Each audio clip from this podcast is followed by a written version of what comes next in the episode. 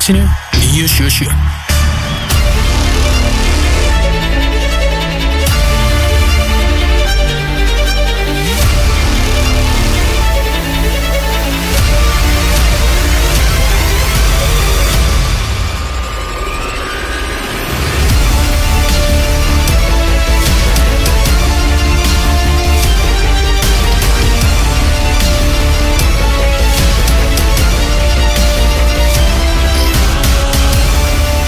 Góðan og gleðilegan daginn, það er laugadagurinn 18. júli, útvastátturinn fótbolti.net komin í loftið. Elvar Geir helsar úr fiskabúrinu, hengin Tómas Þór, hann þarf að sinna landsbyggðinni af og til. Hann verður eins og að með okkur í innkastinu, uh, annað kvöld eftir uh, þessa umferð í Pepsi Max-deltinni sjöundu umferð sem að hófst einmitt í gerðkvöldi. Og hún verður fyrirferða mikil í eh, þættunum í dag. Einnig ætlum við að skoða þessi þessar eh, þjálfara ræringar Við ætlum að eh, heyra í landslýsmanni í, í fótbolta. Guðlugur Viktor Pálsson er statur á landinu og verður á línunni hérna eftir. Og einnig Valdimar Svavason, formaður FA ætlum að spyrja út í þessar þjálfara breytingar Sem að þeir voru að ganga í gegnum núna í þessari viku. En... Ég er ekki einn hérna í fiskabúrunu því að Baldur Már Borgarsson, hann er hérna með mér réttaréttari.net Blessaður Baldur. Blessaður. Hvernig eru við í dag? Erðu, ég er ljómandi sprækur. Þú ert ljómandi sprækur, þú varst í að störfum í gerðkvöldi Varst í Garðabænum að skrifa um leik stjörnunar og háká í. Pepsi Max deltinni Jájá sem endaði með fjögur eitt sigri stjörnunar Já uh, Komdu nú bara með svona smá, smá skýslu Er þetta það sem að ég sá ekki þennan leik? Segðu mér, bara var þetta algjörlega verskal, verskuldaða sigur eins og tölunar gefa til kynna? uh, Eftir 90 mítur já. Myndi ég segja það að þetta hafi verið þokkalega sangett sigur stjórnunar og, og, og hann alltaf var það samfærandi fjöguritt en uh, þetta er samt annar leikurinn í röð sem að ég sé hjá HK og það sem að, það sem að þeir eru bara virkilega sprækir, líta vel út en þeir eru bara ekki að ná að, að skora eða, eða koma sér yfir. Já, og það fer svolítið bara mentalega í þá þarna sérstaklega í setni hálfleik að fá þessi þriða marki svona drepur þetta fyrir þeim. En í fyrri hálfleik þá er þeir rauninni bara ofnir að fara tveit undir inn í hálfleikin uh, Daniel Axon alltaf skora bara 40.4 hana og kemur stjórninni yfir. En leikurinn var bara 50-50 og hefði geta farið 2-1 fyrir háka á þessum inn í hálfleikin en, en, en 1-1 hefði sannlega bara verið sangjandast myndi, myndi ég segja. Já, Uh, en þeir náttúrulega lendi í rauninni að sama á móti vikingum fyrir undan sem þeir eru bara talsveit betri aðeilund á velli og, og, og fara einn og lundur í hálfleikin og þetta náttúrulega er eitthvað sem að þarf að kipi, kipi lægin hann í kópúinum já. Áhugaverð staðrænt sem hann Ívan Guðjón Baldursson og punktunni þetta er að benda á hérna í, í morgun að fyrstu áttamörk stjörnunar í tí, á tímabilinu eru skorið á mismunandi leikmönum Hilmar Átni og, og Ísak Andri Nungi skoruði þarna í fyrstu umferðinni. Í annar umferðinni þá skoraði stjartan segjan fjögumörk sem að það sem að Guðjón Baldursson skoraði fyrsta marki Haldur Orri Þorstedt Már og Emil Atlasson skoruði síðan. Svo voru það Sölvi Snær og Daniel Lagstall sem að skoruði já. þannig að mörkin er að koma gjössamlega úr öllum áttum hjá, hjá stjörnunni, það er jákvæð Já, mjög, mjög jákvætt og, og stjórnum er líta reyngilega vel út. Ég meina þeir eru búin að spila fæstu leikin í deildin eftir þessa sótkvíð eðlilega og, og eru með þrjá sigur og eitt jættibli eftir, eftir fjóra umferðir. Náttúrulega gerður 0-0 jættibli og val sem er ekki sleim úslit fyrir þá útivelli.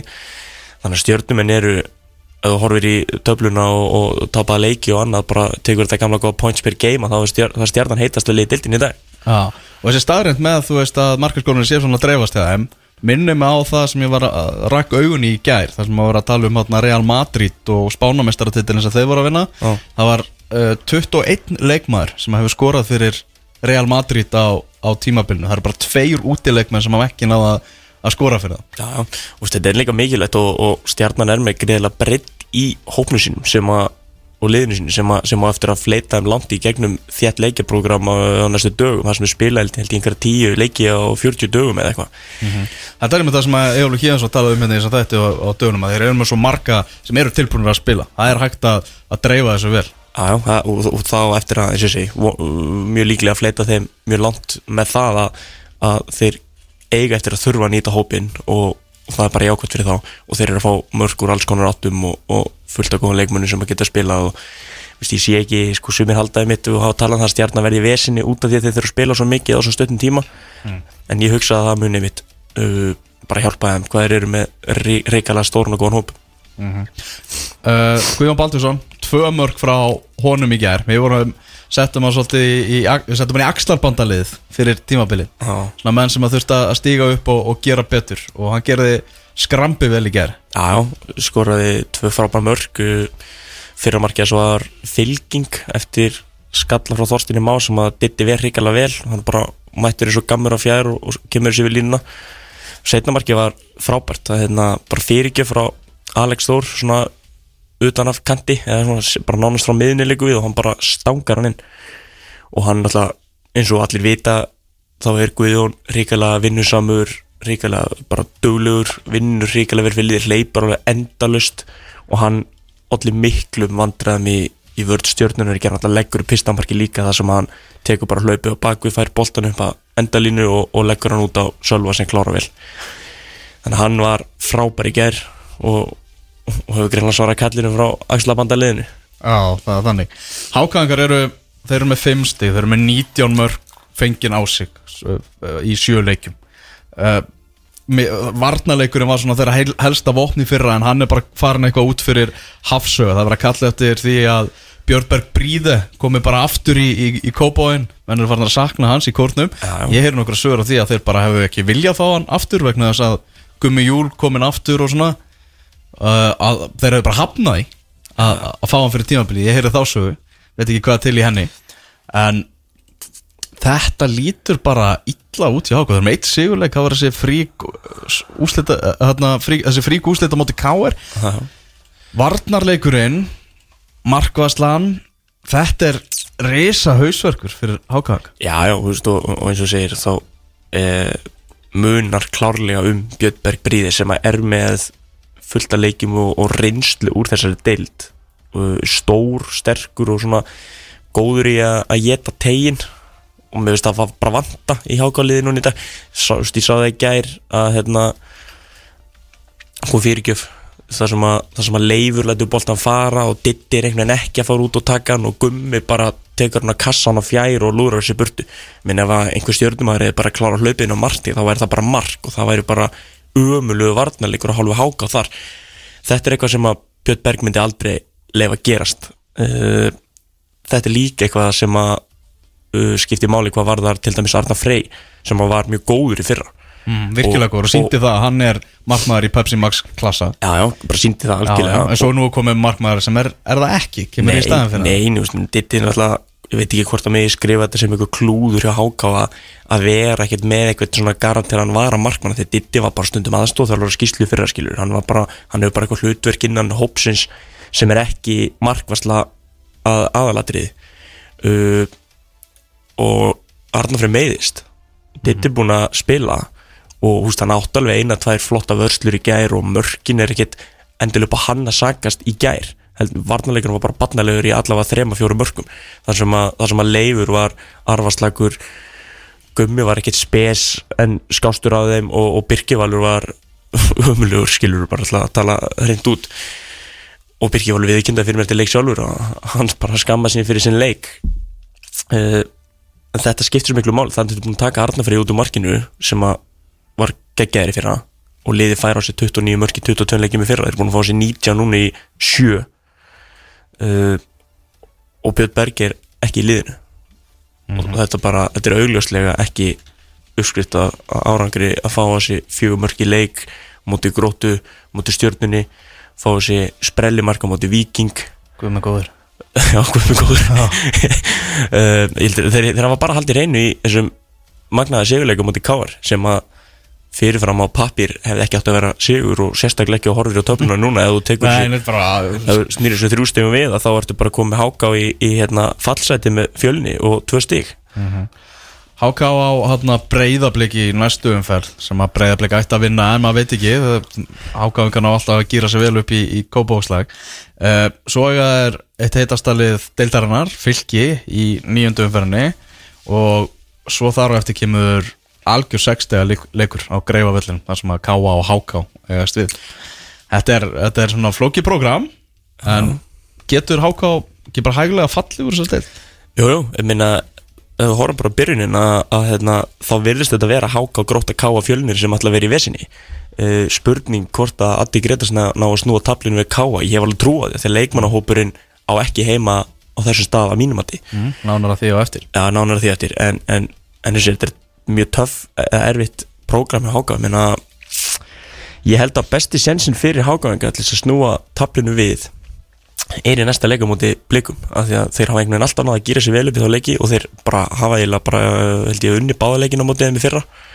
Og, og það verðist þeir eitthvað svona eitthvað áræði því að þeim gengur vel á móti nágrunni sínu sem að eiga að vera stóra liðið í Kópói og við vona bara þeirra vegna að þeir einhvern veginn á að pumpa sér í gang og, og gera eitthvað að viti þar. En an, annars lítur þetta ekkit vel út ég minna, ég er fylgismennur sjöfandi heitir en, en li, samt lið sem að HK getur alveg unnið á góðum degi. Já. Þú veist, ætti, ætti fyrirfram fyrir sísun ætti það að vera einhver 50-50 leikur. En, en með hvernig dildin er spilast þá er það bara enga veginn þannig að því að, að, að fylgir er bara að gera hreikalega vel og, og HK ekki. Svo er aldrei auðvelt að fara norður á grefavöllinu fyrir utan það að, að eins og ég sagði, það er náttúrulega bara nýr maður í brunni hjá Káa og, og, og nær vonandi þeirra vegna að sparka smá lífi þá. Já. En er ekki potið að Björnberg Bríði ónótað að vara maður hjá stjórnun í gær að, að Háká reynir að fá hann aftur núna þegar glukkinn opnar aftur? Það er bara stutt í það, opnar í, í byrjun ágúst. Já, ég myndi telja glórlust að reyna ekki að fá hann. Ég myndi ég hérna, spurði Brynja Björn aðeins út í þetta í gæri við telnu og spurði hvað það var ekki pyrrandi að horfa það að fá þessi fjögum mörg og, og þrjúa barnaleg og, og með, með besta hafsendi sinn frá því fyrra og varum hann að bekknum hinnum einn og hann vildi nú lítið gefa út fyrir það og, og sagði hann bara þetta væri bara staðan og þetta væri bara svona og þeir stjórnu því ekkit mikið en Og Ásker Börgur ekki í sama gíru hann var í fyrra? Nei, nei. Skuggina sjálfur sér frá því fyrra. Svo, svo eins og svona bara veit ég ekki alveg hvað er í gangi upp í kóra því að eftir hvað það varður að Ásker Martis var líki leikmæri fyrra og hann er bara búin að vera á treyverkinu að var á treyverkinu á móti vikingu svo í banni í gærinda fyrir uppsöndu gulspjöld. Byrnir Snær ekkert að koma út úr honum? Ekki neitt. Eh, hann, hann er Það er bara hæfileikar sem hafa ekki ennþá verið nýttir á þessu tímabili. Nei, nei, veistu, bytti, það veit aldrei að að Byrni Snær er frábær í fótbolta og frábær með boltan í löpunum en, en það verður eitthvað, eitthvað að koma út úr og, og hann getur ekki verið að gefa honum afslátt leik eftir leik að, spila svona og, og fá samt að starta næsta leik. Og minna þú ert með Háka og Ingin uppalda Áski Martins sem að er öðruvísi góður í fótbolta skilur. Hann hann er ekki þessi drillari sem tekur hlýðarskriðin hægri vinstri 300 sinnum á sekundu eins og bytti en, en, en Áskir hefur gæði og, og er góður og veit ekki hvað hann laði mörg mörg í fyrra og skoraði líka þannig að það er spurning hvort það þurfa að fara einhver áherslu breytingar í kórnu líka hvort það Brynni Björn þurfa aðeins að líti inn á við og breyta bara. Það er spurning. Það er það, stjarnan með fjögur eitt sigur á móti HK í gær. Það eru tveir leikir í Pepsi Max deildinni í dag. Eh, Fjölnir er að fara að taka móti F-fáingum og uh, risa fréttir sem kom í vikunni frá Kapla Krika þar sem að Óli Kristjáns hjælt til Danmörkur, hann er búin að ráða sig ekki á Esbjerg sem að fjallur dönsku úrvalstildinni uh, Óli Kristjáns, hann er mikil smetin í Danmörku ég veit það að hann er mjög vinsætt meðal danskra kollegamennar, meðal danskra íþrótafréttamanna Já, hann er, hann er, er hátt rangaður og, og mikil virðing borin fyrir honum í Danmörku þannig að kemur ekkert óvart svona að hann hefur verið orðaðar við endurkomu þangað, hann hefur áður hafnað Esbjerg en núna hafa ákvaðan að stökkva um borð og taka þetta starf uh, spila kannski eitthvað inn í að hlutinni voru ekki að ganga nægilega vel upp í kreikanum og maður heyrði óanu hjá stuðningsmönnum FA og jafnvel talaði um að sæti hafi verið að hitna. Samningurinn hans að renna út og það, þú veist árangurinn með FA allt í lægi ekki gott. Allt í lagi ekki gott. Já, einhvern veginn þannig sko. Ég meina, var hann ekki bara að sjá það að þetta væri hans síðasta tímabili í kriganum og nú var bara bauðst Esbjerg þannig að nú var rétti tíminn til að segja takk og bless. Já, alveg klárlega. Alveg klárlega að spila það inn í. Ég meina, hann finnir alveg fyrir umræðinu og pressunni og, og, og ég þess, þetta hefur verið bara frá því að hann basically tók við. Hann hefur alltaf einhvern veginn verið að fá inn í liðið og, og gera eitthvað og maður er alltaf býja eftir því að, að F-fólið springi út. En það gerir það ekki? Hann gera bara enga vinn og, og ég gaggrind hann í viðtali fyrra hérna, hann var búin að vera og búið að vera eitthvað döftir erfáingum mann ég á tíumbili fyrra uh, og þeir fara á norður og gera held ég við káa og mér fannst fréttaritinn þeim leik ekki nógu kvass við hann sko, mér fannst mega gaggrínan meira og spurði næs meira út í þetta. Ah.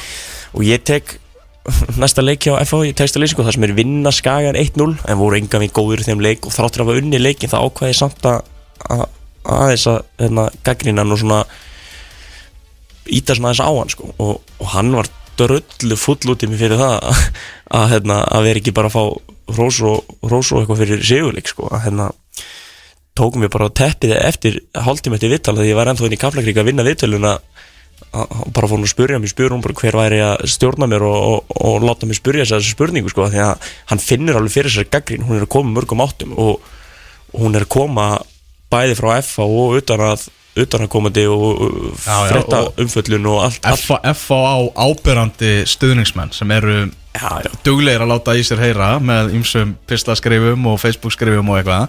Og þú veist að það var ekkert lendamál að margir stuðningsmenn FA voru virkilega ósátti við það hvað bara var lítið að nást út úr liðinu og liðið að spila bara slakkan fótbolta með við gæðin sem eru í hóp Já, já, ég sammála því. Og, minna, og kannski skýrasta dæmið núna er það hvað sko Kitty Steindors var ömulegur í FH í þessi tvö ár held ég hann að verið. Og svona góðin í kópói núna hann bara fann að raðin mörgunum og bara fann að brosa og spila frábælega og bara, þetta er allt annað leikmaður. Algjörlega. Og, og þarna kemur annað í ljós að sem að, sem að mér finnst kannski bara pínu benda til þess að, að Óli sé ekki alltaf að gera hlutina rétt og svo hann sé frábær í fótboltafræðanum og kunni bara fótboltabókinu utanaf uh, að hann spilar kitta sem bara svona sexu, veist, mér að kitti góður í fótbolta og allt það og, og, og kemur satt lítið út úr honum. Og núna er hann að spila bara í tíunni á blikum eða upp á toppi eða kantinum, hann er bara raðið mörkunum. Og maður spyr sér að því sama með þá Gumma Kri. Er Gummi Kri bara ekki rétt nýttur í FH sem hafsendi er þetta ekki bara sexan sem hann hefði átt að nota í fyrra og kittið framar og, og leysa veginn öðruvísi? Mm þetta eru svona hluti sem maður spyr sér að og, og eru ekki jákvæðir hvað Óla varðar ef þú spáir í það svoleiðis og, og, og virðingin sem að hann fær í Danmörku finnst mér ekkert endilega að vera af mikill innistæðu þannig, meina, hann er bara með frábært CV og, og hann gerði ágætlega ágætla hluti í Danmörku. En, en það að, að maður sem að er ekki að gera góða hluti í Íslandi sé sóttur í frekar stórtli í Danmörku sem að eitthvað reynda komin í betild og allar sér upp aftur ég skil ekki alveg það scenarjó ef ég tala bara fyrir mig. Hann er að fara í svolítið hættulegt umhverfi eða svo svona smá eitrað kannski því að Jesbjörg hefur verið að skipta um bara þjálfara oftar heldur en menn er að skipta um sokka sko. Já. og, og en þetta, þetta er bjöldin sem hann er að fara í og markmiðið er sett á að, að fara upp. Og ma góð maður sem sagði við mig ég held að Óli Kristjáns er miklu betri þjálfari í Danmörku heldur en á Íslandi. Hann bara að, að í atvinnumanna umhverfinu og, og, og, og öllu því. Það er bara góða punktur með professional umhverjum menn Óli er bara professional gæi bara og horfir á hann og sérðu bara að þetta er einhver professor sko og, og tala við hann að, að hann, eins og og ég sagði, hann, hann, hann verðist kunna að fótbolta bókina utan á og er alltaf með réttu svörin og svona segir hluti sem hljómar og svo vel. En ég mitt er í gaggrindinni fyrra og sagði ég við hann bara, ég sé ekki sko, það sem að þú segir og hvernig þú talar ég hef setið hjá hann fyrirlestra og námskeið og leikrinninga námskeið og eitthvað það sem að ég séð af honum hljómar allt alveg fáranlega vel og, og þetta er gaur sem að ég myndi vilja læra mér af sem þjálfari sjálfur, ungu þjálfari en ég er ekki að sjá hans hugmyndir og pælingar þegar ég horfa efallið, þú veist, hann er ekki að ná þeim í gegn samt að þetta verið eitt bestalið landsins. Þannig að mögulega, jú, er hann að fara bara út í umhverf sem henda sér betur og vonandi hans vegna því ég vona hann að gangi vel. En, en þetta er, eins og segi, þú veist, F-liði er vonbrið og búið að vera í þrjú ár bara frá að hann tók við. Uh, Mennendir sem að taka við FA út tímabilið Það er Lógi Ólafsson og Eiður Smári Guðjónsson. Þeir eru kynnti bara svona saman sem, sem þjálfarar. Það sagði mér með aður að Lógi væri svona headcoachin í, í teiminu. Já, já. uh, Fáum kannski að vita það bara nána frá já, formanninum á eftir Þegar við heyrum í honum. Valdimar Svafarsson verður á línunni hjá okkur á eftir. En Lógi náttúrulega kemur með reynslu Hann kemur með fótboltaþekkingu Og hann kemur með léttleika Létt andrumsloft Já, já. bara þegar þetta er búið að vera þungt og menn eitthvað hver í sínu hotni eitthvað að, að gaspra og, og, og eitthvað baktælda baktal í gangi og svona þá er þetta bara er engin betri í, í þessu heldur en, heldur en logi? Ég er sammála, ég held að þetta sé bara hárrétt ráðning hjá FH að taka tímabilið á þessari braut og reyna svo að núlstilla sig eftir sísón og fara í einhverja stefnu. Uh, þannig, að það, þannig að það er mjög klókt í FH en, en ég samt líka fatta kannski ekki beint sko pointi með, með eðsmára inn í þetta því að þeir eru með náttúrulega fyrir laug, laugabald Haralds sem þetta hættir en en ég veit ekki hvað Eiður á að færa inn í þetta teimi að því hann er Veistu það ekki? Nei, hann, hann er ekkit reynslu mikill þjálfar hann ætla bara, jú, hann spilaði með Chelsea og Barcelona og hann kannski kemur með eitthvað svoleiðis input í félagið en ég myndi halda samt að, Eiður sé að koma með loga inn í þetta til þess að mögulega taka bara við þessu eftir sísón veist, að, að hann fái svona fyrsta stóra þjálfari giggi sitt með reynslubolta Mm. út sísonið mögulega til þess að taka við. Þú myndir ekki halda að það sé eitthvað sem að geti verið í gangi? Já, það getur bara alveg vel verið. Ég meina hann, eða smára ætla sér flóta hluti í þjálfun, ég held að það sé klárt mál og maður hefur heyrt að hann sé með mjög öflugar æfingar Já, já, hjá U21 árslandsliðinu og náttúrulega bara fáráleg reynsla og, og allt sem þú hefur í þessum gæja. Þannig að þetta verður heljána próf, líka bara risa stórt náttúrulega bara fyrir deildina og maður eiginlega bara áttast ekki á því hversu stórt þetta er fyrir Pepsi Max deildina að fá eðsmára sem þjálfara F á núna. Já, þetta er það, þetta er risastórt, ég vil samanlega því. Þetta er risastórt og hérna og þetta er skemmtileg blanda og eins og hérna allir viðar var í viðtali var að tala um svona að eður gæti eða ekki fengi betri skóla. Já, því að logi hann gefur sínu manni, sínum aðstofamanni alltaf mikið vægi. Já, já og þannig að þetta þetta áhugaverðið mánuðir. Einhverjir sem eru að pyrra sig á því að KSI er búið að banna einhverjum innan hús hjá sér að fara í einhver þjálfara störf áður Já. hjá félagsliðum. Það sé einhver hagsmuna árækstir við U21. Sko, það er búið að senda mér einhverja reglugerðir og eitthvað.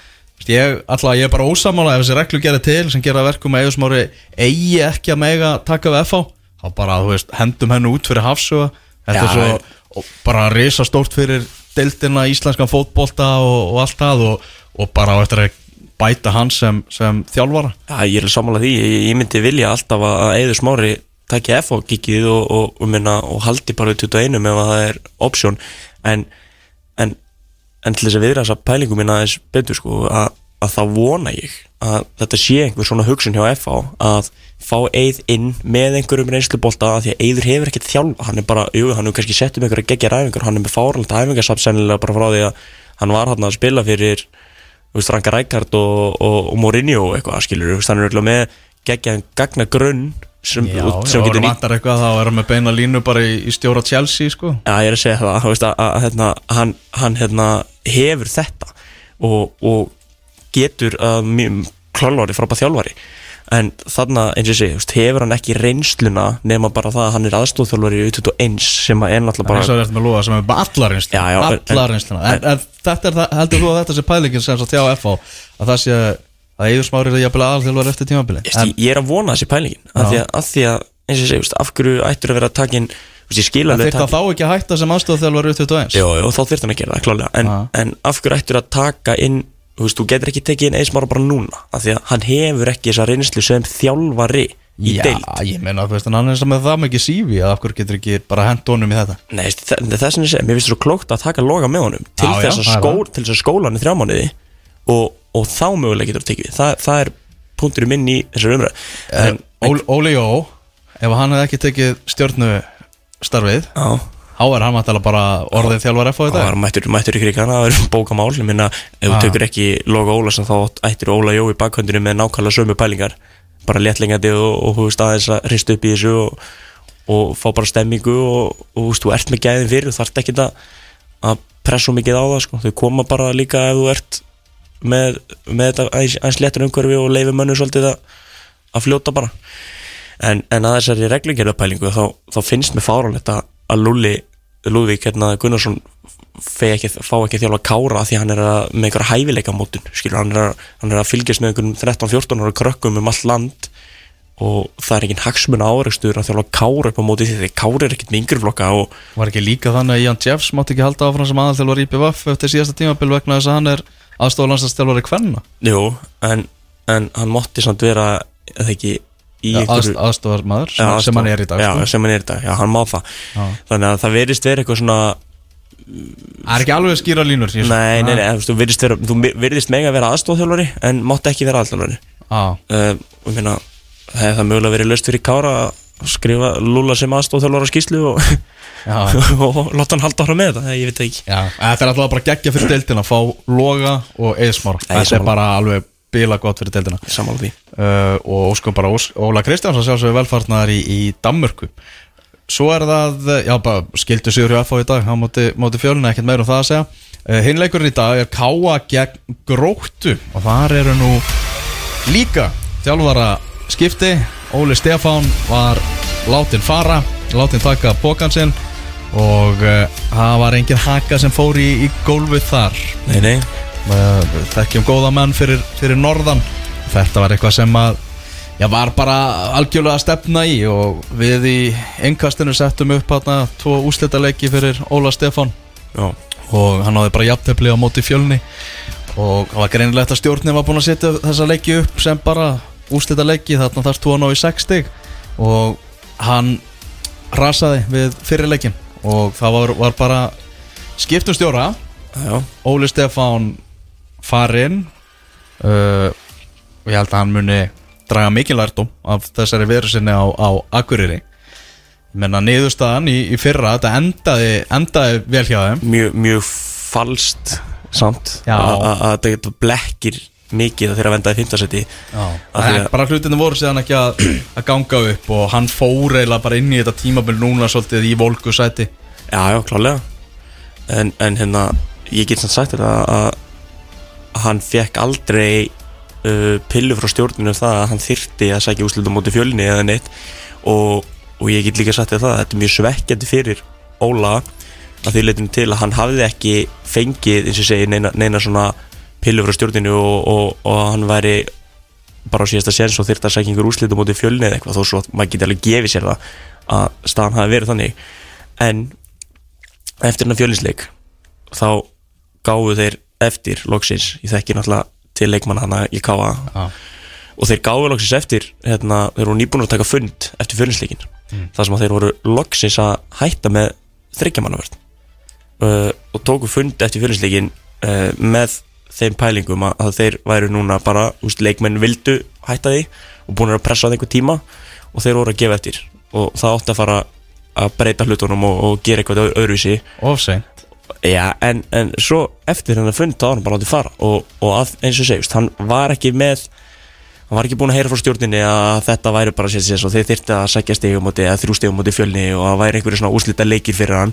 Þannig hann var að vissuleiti þokkalega grönlega um það. Og hann náttúrulega bara fer inn í greiningu á þessum fjölninsleik og, og heldur liðsfund með það í huga að hann sé að fara að stýra liðinu næsta leik. En svo hann bara farin sem er svekkjandi og leðilt fyrir hann að, fá ekki að reyna að rétta, rétta það við og, og breyta kerfinu eftir að pressur á leikmannum en En hann ger bara þau mistök að bara eftir á að hyggja, þú veist, og það var harður káamaður sem sagði bara hann er að fara inn í þetta tímabil núna aftur í þryggjamannavörnina sem að skilaði ekki engu á síðasta tímabili Engu. og hann sagði bara hann verður bara að standa og falla með því Já, já. og hann fjall með því. já, já, ég alveg sammála því og ég, og ég sagði líka, ég tala, talaði við menn fyrir norðan og, og hérna sagði svona mína skoðun að, Óli Stefán ef maður fyrir gegnum þjálfarferðinast þá gerði hann jú góða hlut og höfn í annar deildinu og, og svona var með fínt setup þar e, síðan fyrir hann í Grindavík og hann hittir á von síðan vondir hjá andra rúnari sem að setur líka upp svona falskt öryggi með Grindavíkuliðið gerir ekki vel árið eftir og svona K.O. Grindavík var í þessi þjálfaraskipti sem að einhvern veginn bara verðist vera rétt fyrir alla aðeila að skipta Óla út úr Grindavík og koma hann með nýtjöngur í Grindavík var hann með þetta þryggjamanna varnalínu kerfi sem að, þú veist, var ekkert að fungera frábæla fyrir Káa og, og er með ennþá með þetta kerfi sem er ekkert að virka frábæla hann breytir í fyrra í fjaramannalínu síðustu tíu leikin eða eitthvað og, og það fer allt í hann ganga vel. Og svo núna fer hann aftur í þryggjamanlínu og bara, bara fellur á prófunu uh, hann alltaf þarf bara svolítið að, að líti eigin barm hvað það varðar. Og leikmenn voru ekki að fíla þetta og, og ég minna, þú þú ert með eins og hann sagði sjálfur, Rodri er einn besta sexan í deildinni og hann er fann að spila honum með hafsenda því hann ábar ekki fleiri hafsenda, af hverju ert að spila með þryggjaman lín, þetta er svo mikið klúður hjá honum sjálfum.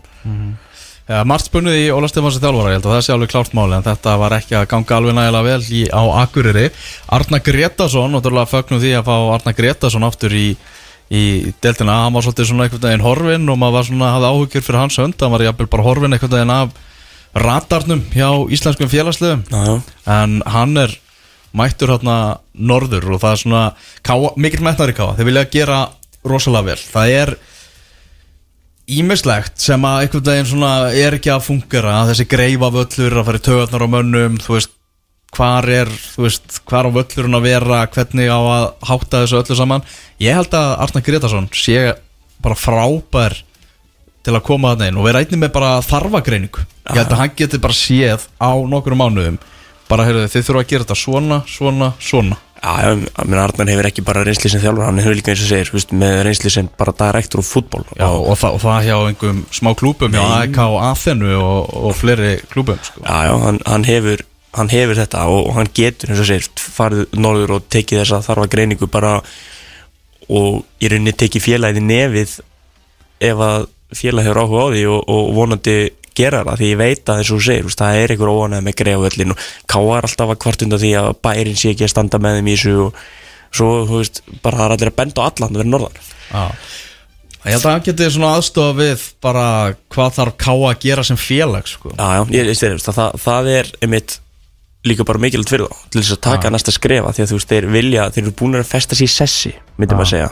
sem Pepsi-dilda félag en þeir vilja alltaf taka skrefi lengra menn þú veist, þeir náðu þessu 15. seti fyrra sem er hálf ótrúlegt með að við, með að við hvernig tíumbili spilast og þeir voru bara í fallsæti líku við eftir tíumferðir eða ég tíunda eða níundi, mann ekki hvað það var en uh, þeir ver, vilja taka skrif auðvitað væri geðvikt fyrir káa að komast í Evrópusæti, fjórasæti, þriðasæti og þeir vilja ná þessum margum þeir eru með góða leikmenn, þeir eru með Hallgrím og þeir eru með Hatta sem er náttúrulega reynda núna mittur og þeir eiga alls konar efni við í félaginu og þeir eru að fá núna upp hérna nökkvi til þess byrjaði mótið vel en, en blótækja fyrir þá að hann ristabrotni, menna Hatti meiðist eh, þeir missa út elvar í, í janúar, þetta eru, þetta eru stóri póstar sem að er búið að taka út úr liðinu. Mm Heldur að Aron Dagur Byrnason fara aftur í markið? Hann náttúrulega misti sætið sitt þarna hjá Óla Stefáni sem að hendi já, jáló í ramman og nú er komin nýrstjóri fer Aron Dagur aftur í markið í dag? Í dag, ég veit það ekki en fer hann aftur í markið? Já, ég held það. Þeir náttúrulega Heldur að Arnar hendi já, jáló í sinn fyrsta leik Nei, nei, ég, ég, ætla, ég ætla að tippa hann hendi Ar- Aroni degimarkið uh, af því að ég held að sé svona lúmsk pressa frá káumunum að Aron Dagur spili ef þeir eru svipaðir af því að hann er ung, yngri, hann er heimastrákur hann er framtíðin já, Jaló er ekkert að fara að vera þarna í tíu ár sko. þannig, að, þannig að ég held að sé alltaf framtíðar hugsunin í því að, að ef þú ert með tvo svipaða leikmenn þá veluru unga heimamannin fram yfir eldri útlending sko. Já, nákvæmlega Herðu, leikir, aðri leikir sem að eru í þessari umferð. Við erum að tala um Fylgir KR, Víkingur IA og Breiðablик Valur. Fylgir KR mjög áhugaverðu leikur. Ég var með smá úttækt á .net í vikunni um topplið fylgis sem að margir höfðu efasendur um þjálfarana og liðið og það var ekki mennilega góða nýju og hvernig varnarleikunum væri en það hefur einhvern veginn allt smollið hjá fylgismennum en eiginlega með reynum ólíkindum sko. það sem að tala um fyrir mót var að þeirra helsti kostur var reynslumennir á miðjunni. Já, svo eru sem- þeir bara allir átt og, já, og þá eru bara einhverju kjúklingar á miðjunni og samt eru þeir að sapna stigum og, og veist, bara unnið fjóra leiki röð í Pepsi Max-deildinni þegar einhverju hefur sagt við mig fyrir tímabilið fylgir mér fara að taka rönni í þessar deild og vinna fjóra í röð. Ég hef aldrei Nei, ég hef aldrei geta og á móti K.R. þá geta það jafna félagsmet með því að taka fymtaleikin í, í röð. Já, já, en gera þær það? Nei er það? Ég, Nei. ég, ég, ég veit það ekki.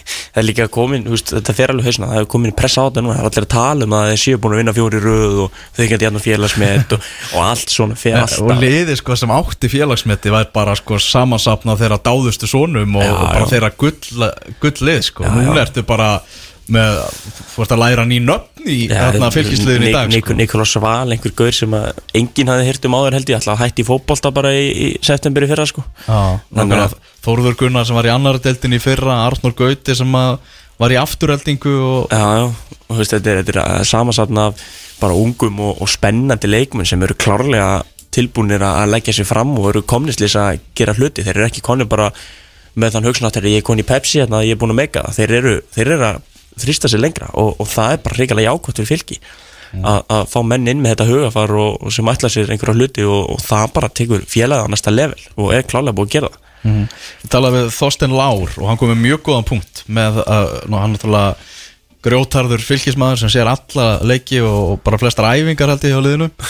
Bara, veist, bara veit allt um alla hana hann var að koma með góða punkt varandi Ara Leifsson sem hann náttúrulega var seldur til Strömskottsett og sagði og tók það að Orri Sveitn og Ásker Eithforsson ná bara einfallega betur saman heldur en Ari og Ásker gerðu Já, já. þeir ná bara einhvern veginn smetla betur Já, já. þrjóttur að Ari sé alls ekkert uh, og er bara góður og öflugur miðvörður sem hefur alltaf brunns að bera og mjög spennandi þá var hann ekki að spila nægilega vel með að við getu í árbænum Já, já, sen- sennilega besti hafsindur af þessum þreymur sem við tölum um, eða svona talar um en, en, en þetta snýst líka um það eins og segir að menn þurfa að ná að smetla saman og, og, og vinna saman sem heild og sem lið og það er hvergi mikilvæg að það gangi upp heldur en fyrir frá markið þitt.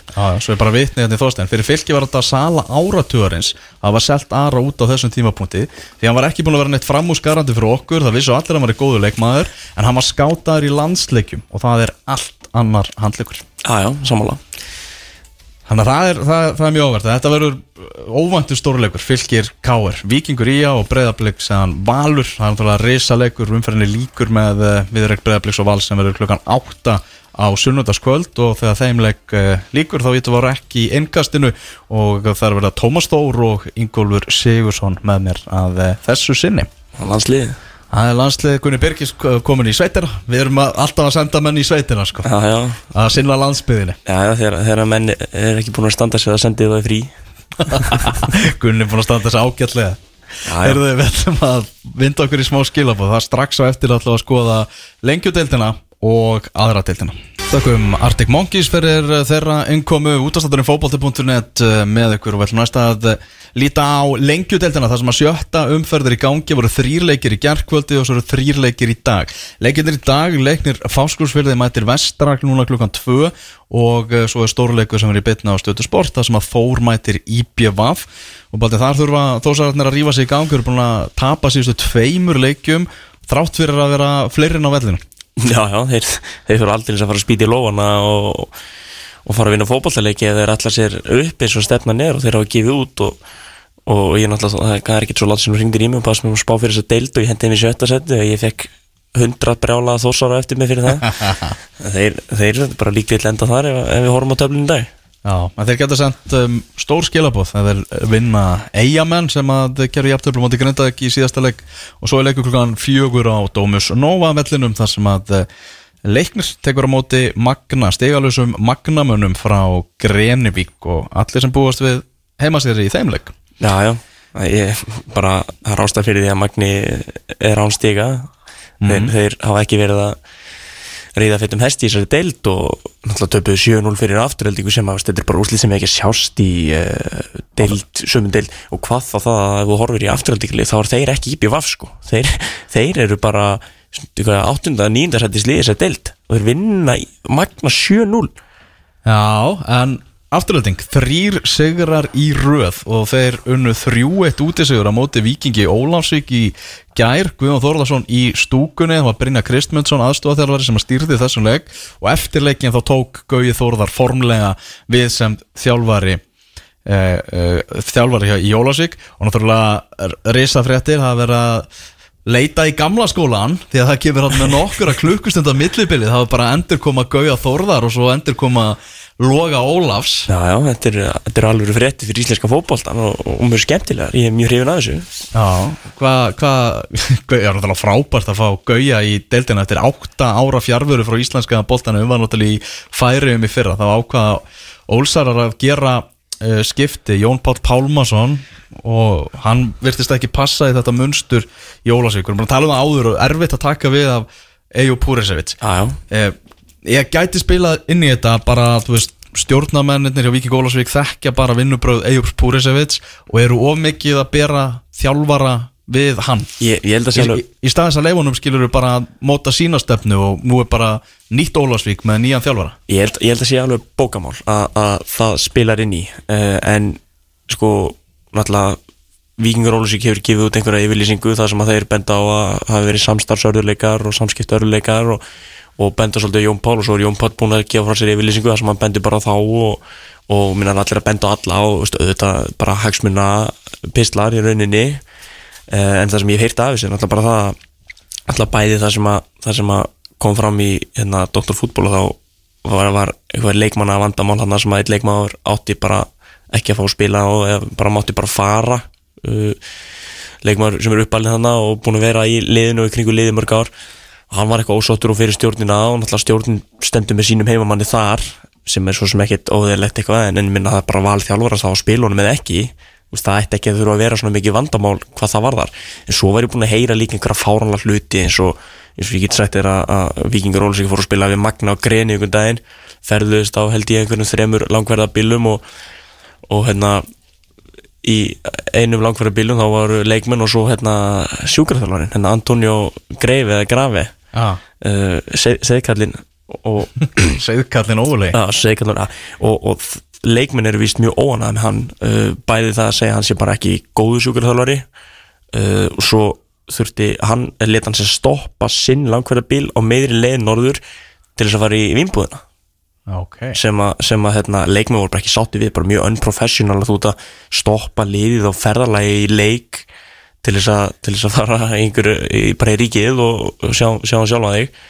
Og hérna, þetta var ekki uh, það var ekki vel tekið þetta meðal leikmanna í þessari rútu. Þeir náttúrulega bara kvörtu í Jóni og Jón Páll fyrir stjórnina og segja bara þetta er ekki bóðlegt Menna, veist, ég vil ekki hafa hann að gaura ef hann er bara meira að hugsa um eitthvað áfengi heldur en leikin og, og, og leikmennina og þetta er eitt af því sem þeir voru eitthvað ósámal með og mér skilst að stjórnum viking svo vilji bara hafa þennan gaur og, og það sé meðal annars bara því að hann sé ódýr og búin að vera aðna lengi. Og eitthvað, einhver svona fáranleil hlutir sem við verðum að rífast um og, og menn ósáttir og, og enda bara með að Jónpátt er ekki en eins og sé, ég veit ekki, þetta er alls konar eitthvað stjórnir að kenna, eitthvað Jónpál að kenna og svo var verið að klína alls konar hlutum á hann eins og eitthvað með yfirþjálfara starfið og hann átti að hafa mætt seint á einhvern fóraldra fundi 15 flokki og alls konar svona fárónleir hluti sem það er svo auðvelt að koma veg fyrir. Og það hefur rótnað týrnað fyrir gauða þorðar í, í góð endurkomu. Samskipta örðuleikar segja Ólsarar að segja ástæðan fyrir, fyrir þessu og, og Gauji hefur nú verið í samskiptaörðuleikum við, við stjórnir hjá mörgum félögum sem hann hefur verið hjá. Sumir á að kalla þetta að fara úr öskun í eldin að skipta Jónpál út fyrir Gauja. Já, við fagnum því, það er klálega að fá, fá Gauja Þórðar aftur í þetta. Nokkuð ljóst að munu fleiri augur beinast núna að deildinni og Ólasvík og allt, veist, þú ert með í lengjutildin með Gauja Þórðar og þú ert með Gary Martin, skilju, þú veist, þetta er bara tvö stærstu nöfnin í Íslandsmótun í já, þetta er ekkit lítil deild og hún er bara stór skemmtileg og Já, ég heyrði við það sem að við erum inn og allt í bjött tók við Gauða Þórðar sem að hann var að tala um það að ungir þjálfarar haldi það að, að fótboltinn hafi eitthvað breyst hann hafi bara ekkert breyst. Og, og hann ætlar að sína það í, í Ólasvík að, að fótboltinn er svo sami sko. Hann ætlar að, að fara þetta áfram á, á sínum gildum og, og öllu því og, Já, já, og nálgunin verður ófyrirleitinn og, og allt það sko Það er alveg náttúrulega, þetta verður rosalegt. Og fyrsti leikur hans við stjórnverðinu verður á móti mínumönnum í leikni á Dómus Nóavellinum á miðvíkudags kvöldi ég held að veri fín mæting á, á þann leik. Já, ég geti, geti vel verið að ég kiki. Ah, En upplöðu sigur já, afturheldingu náttúrulega mikið búin að tala um Jasson Dala sem er reikalett vopni á þeim skorar fyrsta markið í, í þessum leik. Já, já, fyrir veikur út af í hálfleik Er veikur út af Guppu best Eitthvað óglatt og listalös og gæti lítið hlaupið sagða mér en, en, en ég talaði hann vel upp einna fyrir mót og sagði að hann væri bara einna, bara jafnvel toffin bestu leikmenn deildanar og hann er aldrei að sína það minna, búin að skora held ég í þreim leikjum í röð ef ég maður er rétt mm -hmm. hann skora í öllum þessum sigurleikjum ah, ja. bara og, og stór fél og farin að bera výrnar í hann mm -hmm. Maggi náttúrulega góðu vinnuminn og, og allt það en það, það verður bara rósónum líka fyrir fótboltan sem afturöldingar að spila. Þeir eru að spila mjög svo jákvæðan og skemmtilegan fótbolta sko. Já, ég er mjög svo sammála því að hérna, bara nýðilega einhverjir Magga vinn okkar að vera að kalla Maggi Morinho sem staðar, ah, hann er, hann er að spila Maggi frá- Ból Já, Maggi Ból frá, frábæð fótbolti menn þeir eru að halda vel í boltan þeir eru að færa rætt og, og eru að sækja mörgum mönnum og, og þeir eru stjórnarleikin, ég horfði á spilum og dýpi vaff til dæmis þeir voru bara betri aðeins en eitthvað er og algjörir auðlar hafa ekki skorað en að í bjöfkjast yfir og svo, svo náður að jafna og fá markið andliti skilur sem bara enginnir bestu liðinni hverju hver deild að geta eiga allt slemma, slemma leiki en unnið á en, en, en afturlending leit bara hreikalega vel út í þeim leik og, og ég hef, ég hef lengar ágjur af þeim ef Nei, þetta er það sem að koma skal hjá, hjá Magga. Ákvæðlega, þeir líta bara, bara vel út og eins og segi, þrý sigrar í, í röð hjá þeim. Uh, Þróttur 0, Keflavík 4 Ég skellti mér á Eimskips völlin. Heitir það ekki? Jú, heimskýrsvöldurinn Jó, þarna Þetta var fárálegt Þetta var gjössanlega fárálegt Þarna Það var komið 4-0 bara eftir 25 mínútna leik og það var bara fjölmarki þróttara sem að bara fóru eftir 25 mínútur. Já. þegar þeir voru bara þeim var skellt sundur spilaðir, áttu engin svör var ekkert að gerast hjá þeim. Fram á við voru vandræðilega lélegir varnarlega líka og engin karakter það var engin sem var eitthvað, eitthvað að láta í sér heyra og þetta var bara mjög svo skammarlegt og þróttarar hafa ekki skorað síðan í fyrstu umferð og við tölum náttúrulega í engastinu síðast að stefnir það er að fram og IPVF í næstu tveimur leikjum að þessi að fara í gegnum heilt ár án þess að vinna leika á Íslandsmóti. Já, og þetta var hrikalega neikvætt og keppvikingar hafðu getað unnið þetta miklu, miklu starra meðan þeir fannst eins og þegar þeir komist í 4-0 þá voru margir sem hugsaðu sér gott í glóðarinnar og hugsaðu ég get bara hent mér í einhverja þrennu, fernu eða eitthvað í þessum leik. Já. og hættu eða út fyrir hálfleikin eða að spila sem lið. Þá voru bara allir að reyna að skjóta og taka skarið og svona. Á, datt þetta aðeins niður. Minnstu þetta pinni, já, já. Já, já, og þú veist, og svona jákvæðari teiknaðins hjá þrótt í setni hálfleik þetta var svo hörmulegt í fyrir hálfleik. Og náttúrulega kjærflingandi farnar að slaka á. Það er bara veist, það er bara allt í tómri steipu í lögadalum það bara einhverjir þróttara sem að vera að pyrrast yfir því hvernig við höfum talað um liðið en við höfum bara búin að tala í staðrændum um þetta lið, þetta er bara hrikalega vond og Já, klá, klálega mér, þú sagði þér sjálfur þeir eru búin að skora eitt mark í Íslandsbúndin þeir eru búin að skora færri mörk en Magni, Magni með tvö sko. Hérna, þeir eru í fallseti með, með 0 stig á saman Magna. Og næstu lið eru með 6 stig og 6 og 7 stig. Ég meina, þetta er strax svona brekka. Það, þeir eru búin með 6 leiki, þetta er næstum því 1 þriði af mótinu og þeir eru með 0 stig sem verður, er, verður Gunni Guðmunds rekin ég, ég myndi tippa á hans í næsti maður til að taka póka sinn í bara Íslandsmótinu yfir höfuðu Ég hugsaði bara í leiknum gerð, ég get alveg síðan bara að segja, segja upp. Bara, Já. heyrðu, ég bara er ekki að ná neinu út úr þessu. Já, bara ég veist, já, ég, þess vegna, ég minna Þú veist, ekki það að vera eitthvað töfralaust fyrir þrótt, við sáum það miklu vesen í fyrra og þá var engin Gunni Guðmund sko. Nei, nei, nei, nei, alls ekki. En, Þetta er verið vera eitthvað svona áframald á því Já, en þú veist, það að var í vantar gangi í fyrra. Já, það vantar bara, eitthvað, veist, það eru fínir leikmenn inn á millum, Daði Bergs er góður í fótbolta, það vita það allir. Þeir eru alveg með, hérna með, veist, Birkir, Þór Guðmunds er fínn í fótbolta og, og þeir eiga leikmenn veist, þá veltalað með hann spænska frammerja eftir fyrsta umferðina en, en hann hefur ekki, ekki, ekki setið sóla síðan og mér skilst hann hafi verið ömulur í ger og bara hann er ekki, líf- þú veist, honum til varnasamt er hann að fá bara enga þjónustu sko. Nei, nei, Það- það, auðvitað ég meina- Ég veit ekki hvað, við fengum jú einhver færi til að skora þetta í setna áleika þetta er, þetta er bara vandræðilega lélegt sko. Nei, ég hef búin að tala um það fyrir mót að Gunni Guðmunds væri að mínu, ekki þjálfur að mínu skapi menn hann leggur mikið upp úr leggur, afsækjum mig, leggur mikið upp úr uh, þéttum og góð varnarleik og, og vil svolítið bara reyna að sækja rætt og, og keira á þetta og, og það er ekki að hjálpa honum að hafa mist Díón í tábrót í fyrsta leiki eitthvað. Ennþá vist einhverja nokkra vikur í hann. Já, ég segist, ég byggur leikum átti F og bara missar hann bara þetta er bara fyrsti leikurinn sem Eitthvað spila sem trafkaði ofan á honum í byggjarleiknum þar og hann já. tábrotnaði. Já, að segja það, að það hjálpar þeim ekki í, í því að sækja rætt en það Ef, líka ef að þú myndir taka upp veski núna og kaupa þrótt bara Það eigandi, Var- eigandi þróttar? var það Daniel Geir Morris er að þróttara? hvað, hvað myndir þú sækja í stjórastóri? Þetta er ríkilega, ríkilega er spurning. Hérna, Það er náttúrulega ekki mikið í bóði þannig. Uh, en mér fannst samt ef ég tala bara frá mínu sjónamið, þá fannst mér ekki rétt að reyka Þóralli fyrra. Af því að Þóralli var ekki vandamáli fyrra fannst mér og Þóralli náði klárlega meir út úr þessum leikmannhópeldur en Gunnar ekki í dag. Þannig að þú myndir sækja Þórall aftur? Í, ég er ekki viss um ég myndi sækja hann aftur eftir að, því að það búið að losa hann út en mér fannst ekki endilega rétt að losa hann út í fyrra. En, en, en hérna hann var líka að reyna að spila í ákvæðir í fótbolta. Uh, hann var með ákvæðina stefni í gangi og svo bara gekk illa í restina.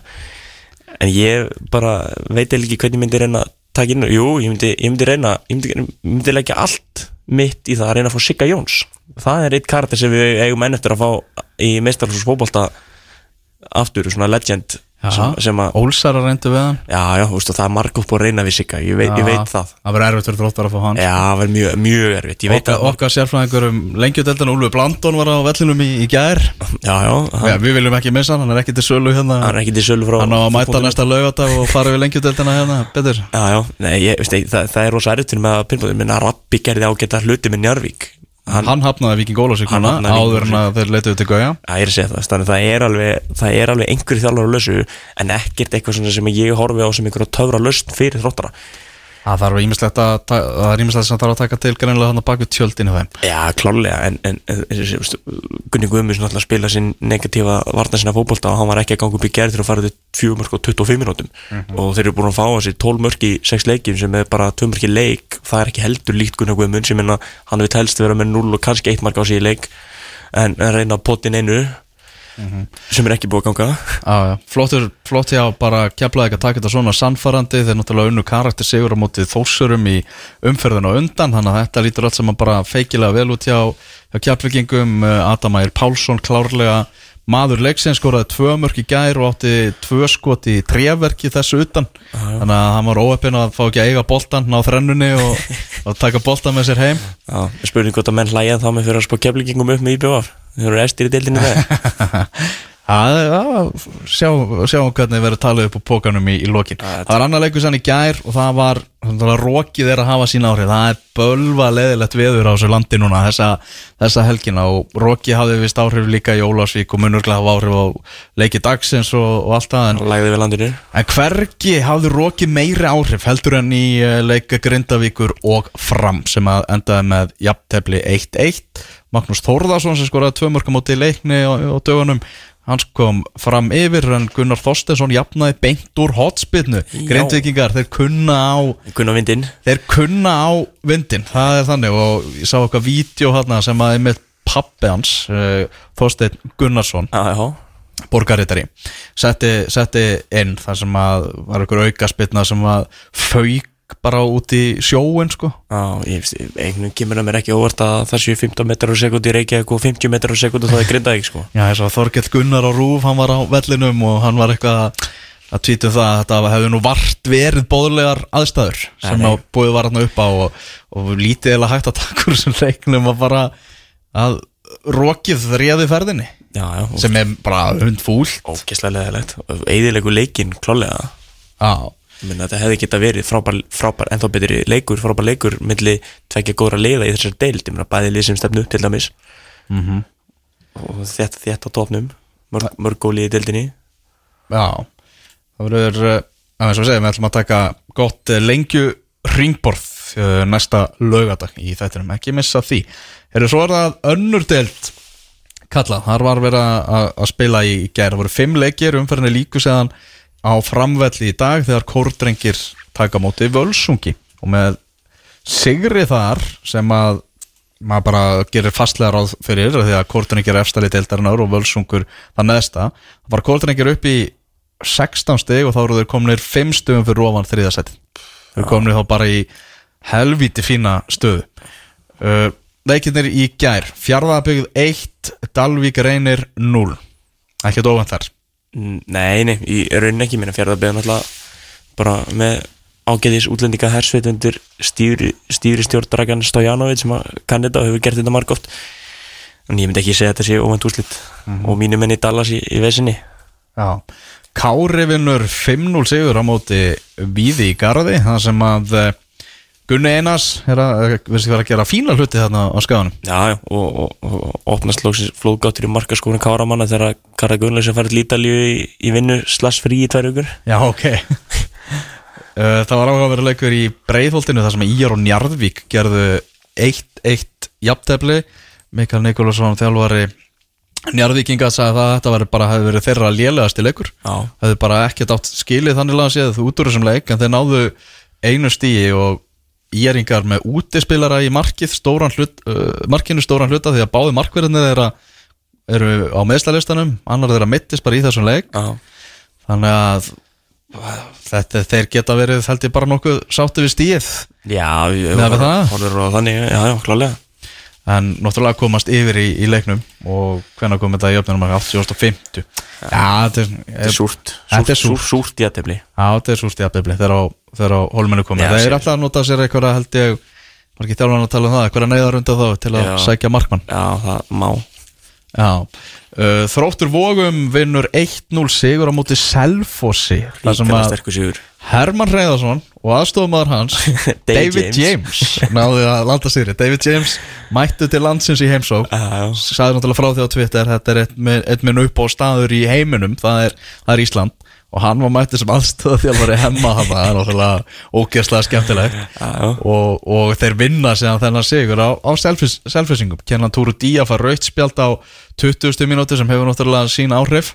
Já, já, en tveir sigrar frá hemma eftir að hann tók við það er, það er bara glæsileg Já, já, hemmi koma inn í von og hrista kannski vel upp í þessu og fá smá stemmingu í þetta og leikliði.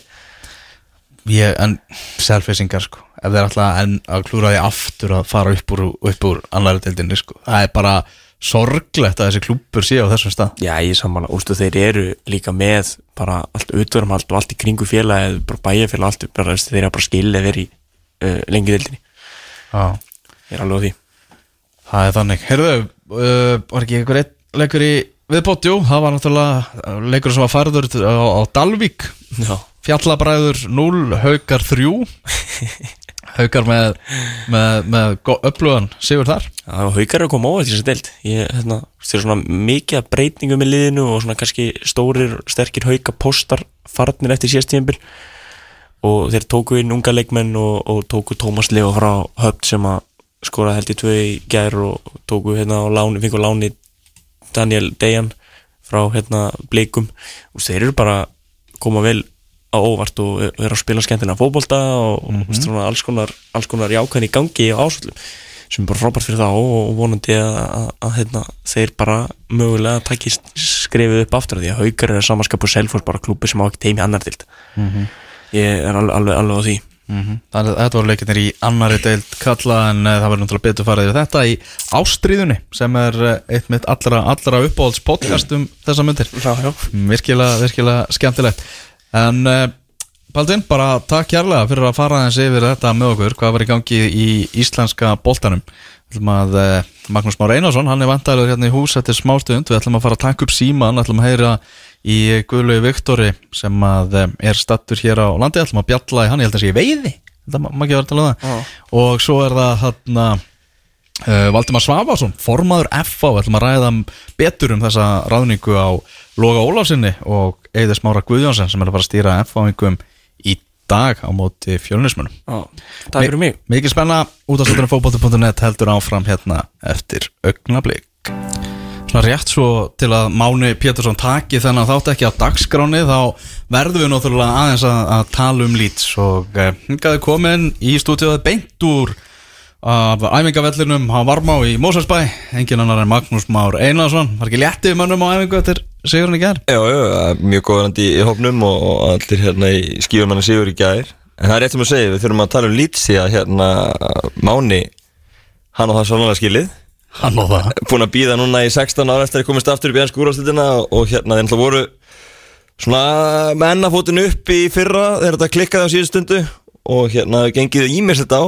Þetta var nál menna að fara niður í hérna þriði eftir deild og aftur upp og, og fleira en, en ég bara samklæst öllum stundum lits innilega og, og það náttúrulega eru fjölmarki stundum lits á Íslandi.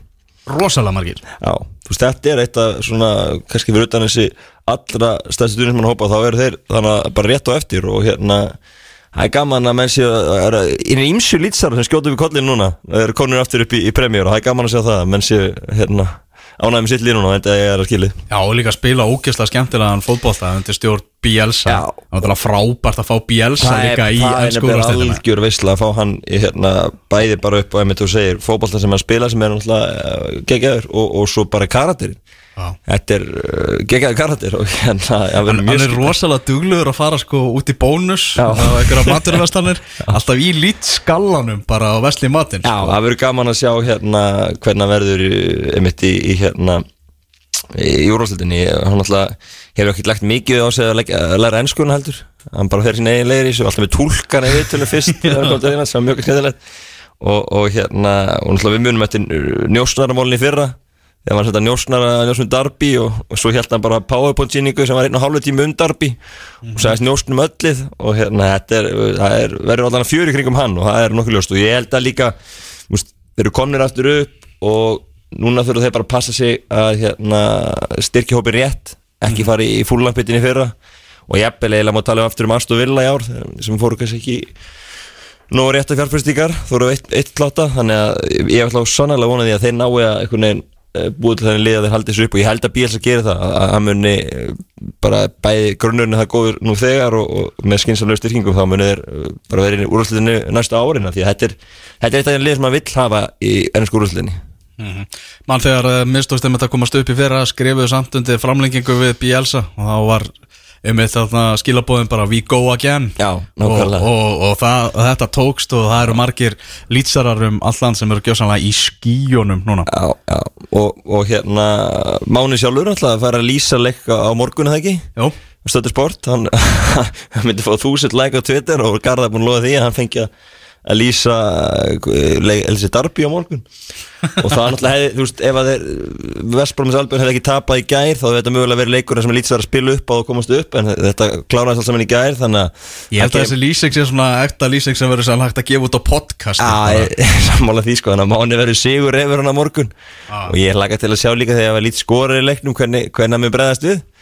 Það getur verið gott þannig að ég, allan að það vantaði ekkert upp á gleðinu hjá Mána í, gær frekar nörður lítsurum og, ég held að hann þessi helgi öll verði einstór gleði hjá hann Býtu, er þetta ekki Darby á morgun? Jú, Darby held ég Ó, ég hitti með þannig að Þorvald Ingimundarsson á, á þróttaravellinum í gær Hann er Darby maður Já. og hann sagðist ekki alltaf að horfa þennan leik Hann var, hann er ekkert á móti Mána Nei. En hann var ekki að fara að horfa á Lítsar að lýsa hérna Nei. Darby leik Þetta verður náttúrulega bara eins og bara káir útvarpið Já, já, sko. þetta verður, þetta verður geggjað Þannig að ég, hérna, þetta verður maður verður eiginlega stilla inn á þetta og kíkja eins á þetta Þetta, þetta verður einstök lýsing, ég ætla að sjá þetta að segja það Mm.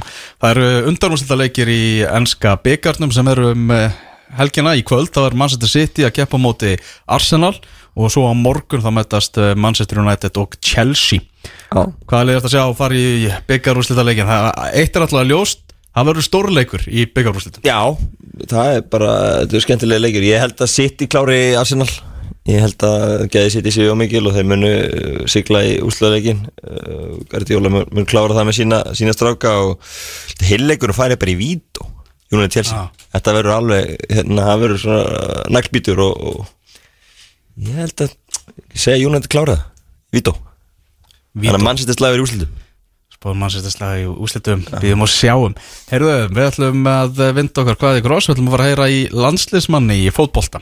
Manninu sem er búin að eigna sér núna hægri bakvara stöðuna í Já. íslenska landsliðinu. Já, þá stöðu sem að oft var talað um sem svona smá vandræða stöðu hjá okkur. Já, uh, heldur betur, Guðlaug Auðvitað Pálsson. Guðlaugur Viktor Pálsson. Hann er stattur hér á landi. Já, Hva, hvað er kabin? Herru, hann var, er í veiði vötnum í, í gerði þetta vega, hann skellti sér í veiði og hérna ætlaði nú að kíkja á okkur heimsórn en, en hérna fekk búið í veiði og hvað nýta sér það þannig að við hefum heimsórn inni síðan ætlum nú að taka hans púlsin á honum og, og sjá hérna ræða hans bæði bara tímabili honum og, svo, og landslið Ég ætla bara, gerði mjög góð hluti með Darmstað í Þískalandi enda í 15. sæti í Þísku bíðaldinni og, og hérna og hann var valin leikmaður tímabilsins hjá Darmstað þar sem hann spilar á miðjunni, hann er ekki hæri bakur þar spilar á miðjunni þar þannig að hérna hann er búin að gera virkilega góða hluti Gulli, Halló, já sæli Maggi hérna út af settur fótbolti.net út í beinni, blessaður, blessaður, blessaður, blessaður. hvað segir þá? Ég er bara góður. Það ekki? Jú, en þið Jú, heldur betur, heldur betur Stórkostlegir, jafnvel. Ertu einn? Nei, nei, ég hef alveg að gera um dverina Ég er hérna líka, blessaður Já, bless Já, blessaður, blessaður, blessaður, blessaður, blessaður Ertu ennþá í, í veiði? Herri, ég er á leiðinu heim. Jæja, Þannig ég náða mér á mjög góðum tíma. Já, hvernig gekk þetta? En þetta var bara Þetta gekk ekkert aðeinslega sko. Nei, En það var Það var gaman að upplifa þetta fyrst sem ég fyrir veiði og En ég veiði vögna, þetta er ekkert smá flott. Já, Þannig að klálega eitthvað sem að að þú veist, bara gaman að, eins og ég segi, gaman að upplifa þetta og, og maður var í góður að vinna hópi og þetta var bara stemning, það var bara mjög skemmtilegt. já, nákvæmlega, nákvæmlega. Virkilega gott, hvað, hvað farur langt sumafrí? Hvernig er þetta að skila þetta tilbaka? Það er fyrsta æfing er aftur 27. júli, Ok þannig að ég er búin að vera hann í cirka þrjár vikur. Ég fer aftur út á þriðudaginn. Já Hvernig hérna hefur þetta Já, hvernig var, var að, þið náttúrulega klárið tímabili í, Þýskalandi fyrir hérna luktum dyrum, hvernig var að spila þessa leikið þannig í, í lok tímabilisins eftir, eftir COVID? Uh, sko, fyrst var þetta mjög skrítið. Fyrst Já. var þetta, fyrstu leikinir var, svona fyrstu tveir var þetta mjög, mjög förðulegt sko. Skrítið, Já, en síðan einhvern veginn bara þú veist, fór maður að vennjast þessu.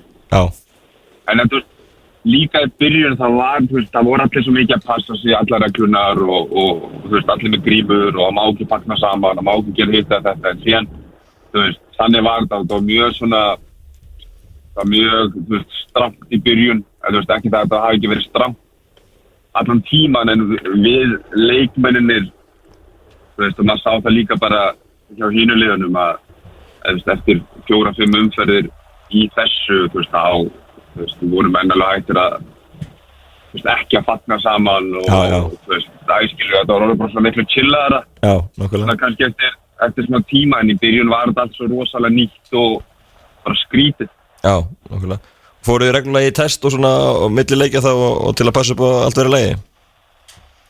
já, við fórum með tvö test á viku og og svo í svona blóðpröfu á tveggja vikna fresti. Já, sem sagt einhvers konar blóðpröfu sem að geta sagt þér hvort þú hafið verið með veiruna eða ekki. Já, nákvæmlega, nákvæmlega. Og náttúrulega nýtt undirbúinistíðbila hefjast, hvernig, hvernig er staðin á því, hvernig verða æfingar og, og annað núna, er, eru stranga reglur en þá í gangi í Þýskalandi? ég bara, ef ég var alveg hreinskilega, það bara þekki ekki alveg, nóg vel.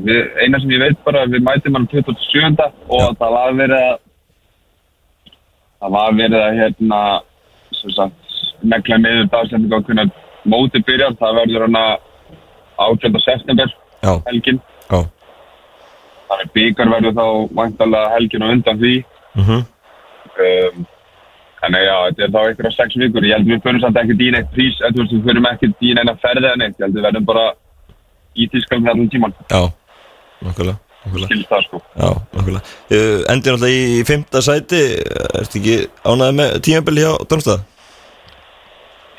Jú, vissulega mjög. Þú veist, við fyrir mót þá, þú veist, við höfum aldrei einhvern veginn hugsað okkur top 5 sko, eða top 6. Nei. En, en hérna, en svona, svona fyndir sko, jú, þetta erum við mjög ánægð með það og, og klubburinn fekk líka einhvern ákveðin svona, einhvern svona TV-manni sem að fyrir sem sagt top 6, þannig að það var kannski orðið svona okkar markmiðana þegar við mistum af lestinni til að komast upp. Já, Það maður hugsa svona, maður hugsa alveg tilbaka eftir síðasta leikin.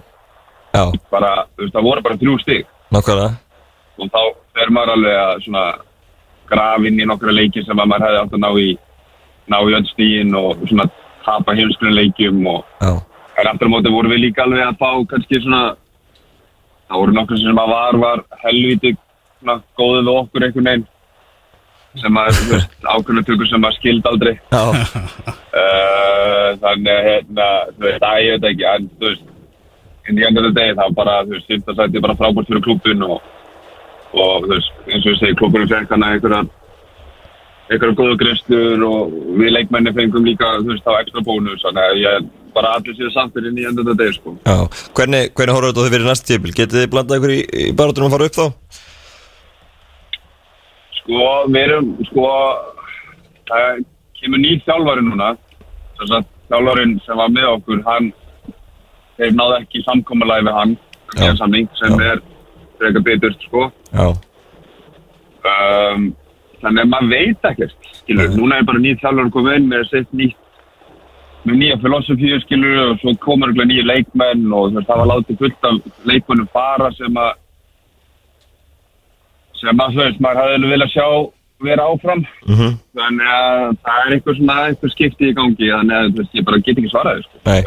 Nei, nákvæmlega Hvernig með hérna þeir sjálfa? Þú náttúrulega spilar náttúrulega leikina og hérna leikmaði tímabilsins hjá stuðnismörnum þannig að þú ert uh, vandalega sáttu með því tímabil líka Jú, virkilega ég var mjög ánægð með mig og og hérna bara, þú veist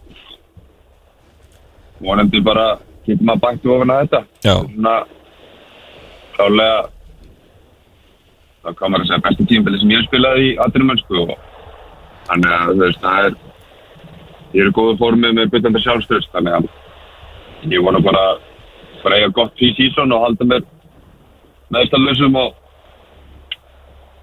og hérna já, Já, vonandi getur maður endur tekið leikinn sko. Algjörlega.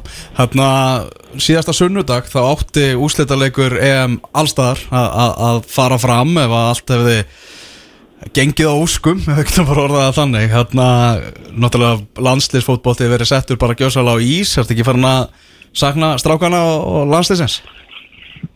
Jó, klálega sko. Alveg klálega, þetta er búið að vera skrítið tímabil félagslið og landslið og alltaf vera að fresta þessu og þannig að þú veist, maður vona bara að leikjunum er sættum fyrir að vera ekki að fresta. Mhm, þannig að jú, klálega sko. Við, það er það er mikið tilhökun fyrir leikjunum í oktober sko. já, Mm eins og þú segir hérna náttúrulega þú að koma út úr frábæru tímabili svona persónulega hjá þér og, hérna komin aftur náttúrulega úr já bara freystikistunni með, með landsliðinu. Varst náttúrulega já bara ekkert inn í myndinni þarna lengi en er komin í, í, í burðar hlutverk Já, sem er bara, sem ég, að, veist, sem ég stend alltaf að um, og ég er líka bara mjög þakkláttur þjálfurunum fyrir að testa mig í, í, nýri stöðu og til að, til að opna fyrir mig þar og, og það var náttúrulega ekkert bara eitthvað sem var gefið, ég þurfti náttúrulega að standa mig og, og hérna, mér skilst nú að, að, að þeir eru bara nokkuð ánægð með það sem ég hef sínt hinga til í hægri bakgrunum og, og ég bara er eins og ég segi, mjög þakkláttur og mjög bara spenntur fyrir komandi tím með landsleginu. hefur þetta verið ekkert mála að skipta á milli spila með því með félagsliði og svo bakverðið með, með landsliðinu Nei, nei, vissulega ekki sko. Um, nei, þú veist, nei, eiginlega ekki. Þú veist, það er ekkert eitthvað svona, þú veist, maður er náttúrulega bara fókusaður á hægri bakgrunnstöðuna þegar maður er með landsleginu mhm, og þá er maður bara, þú veist, í því momentum, skilur já, um, og þú veist, það er náttúrulega bara allt annað, þú veist, það er bara allt annað að vera með landsliðinu og uh, heldur með félagsliðinu.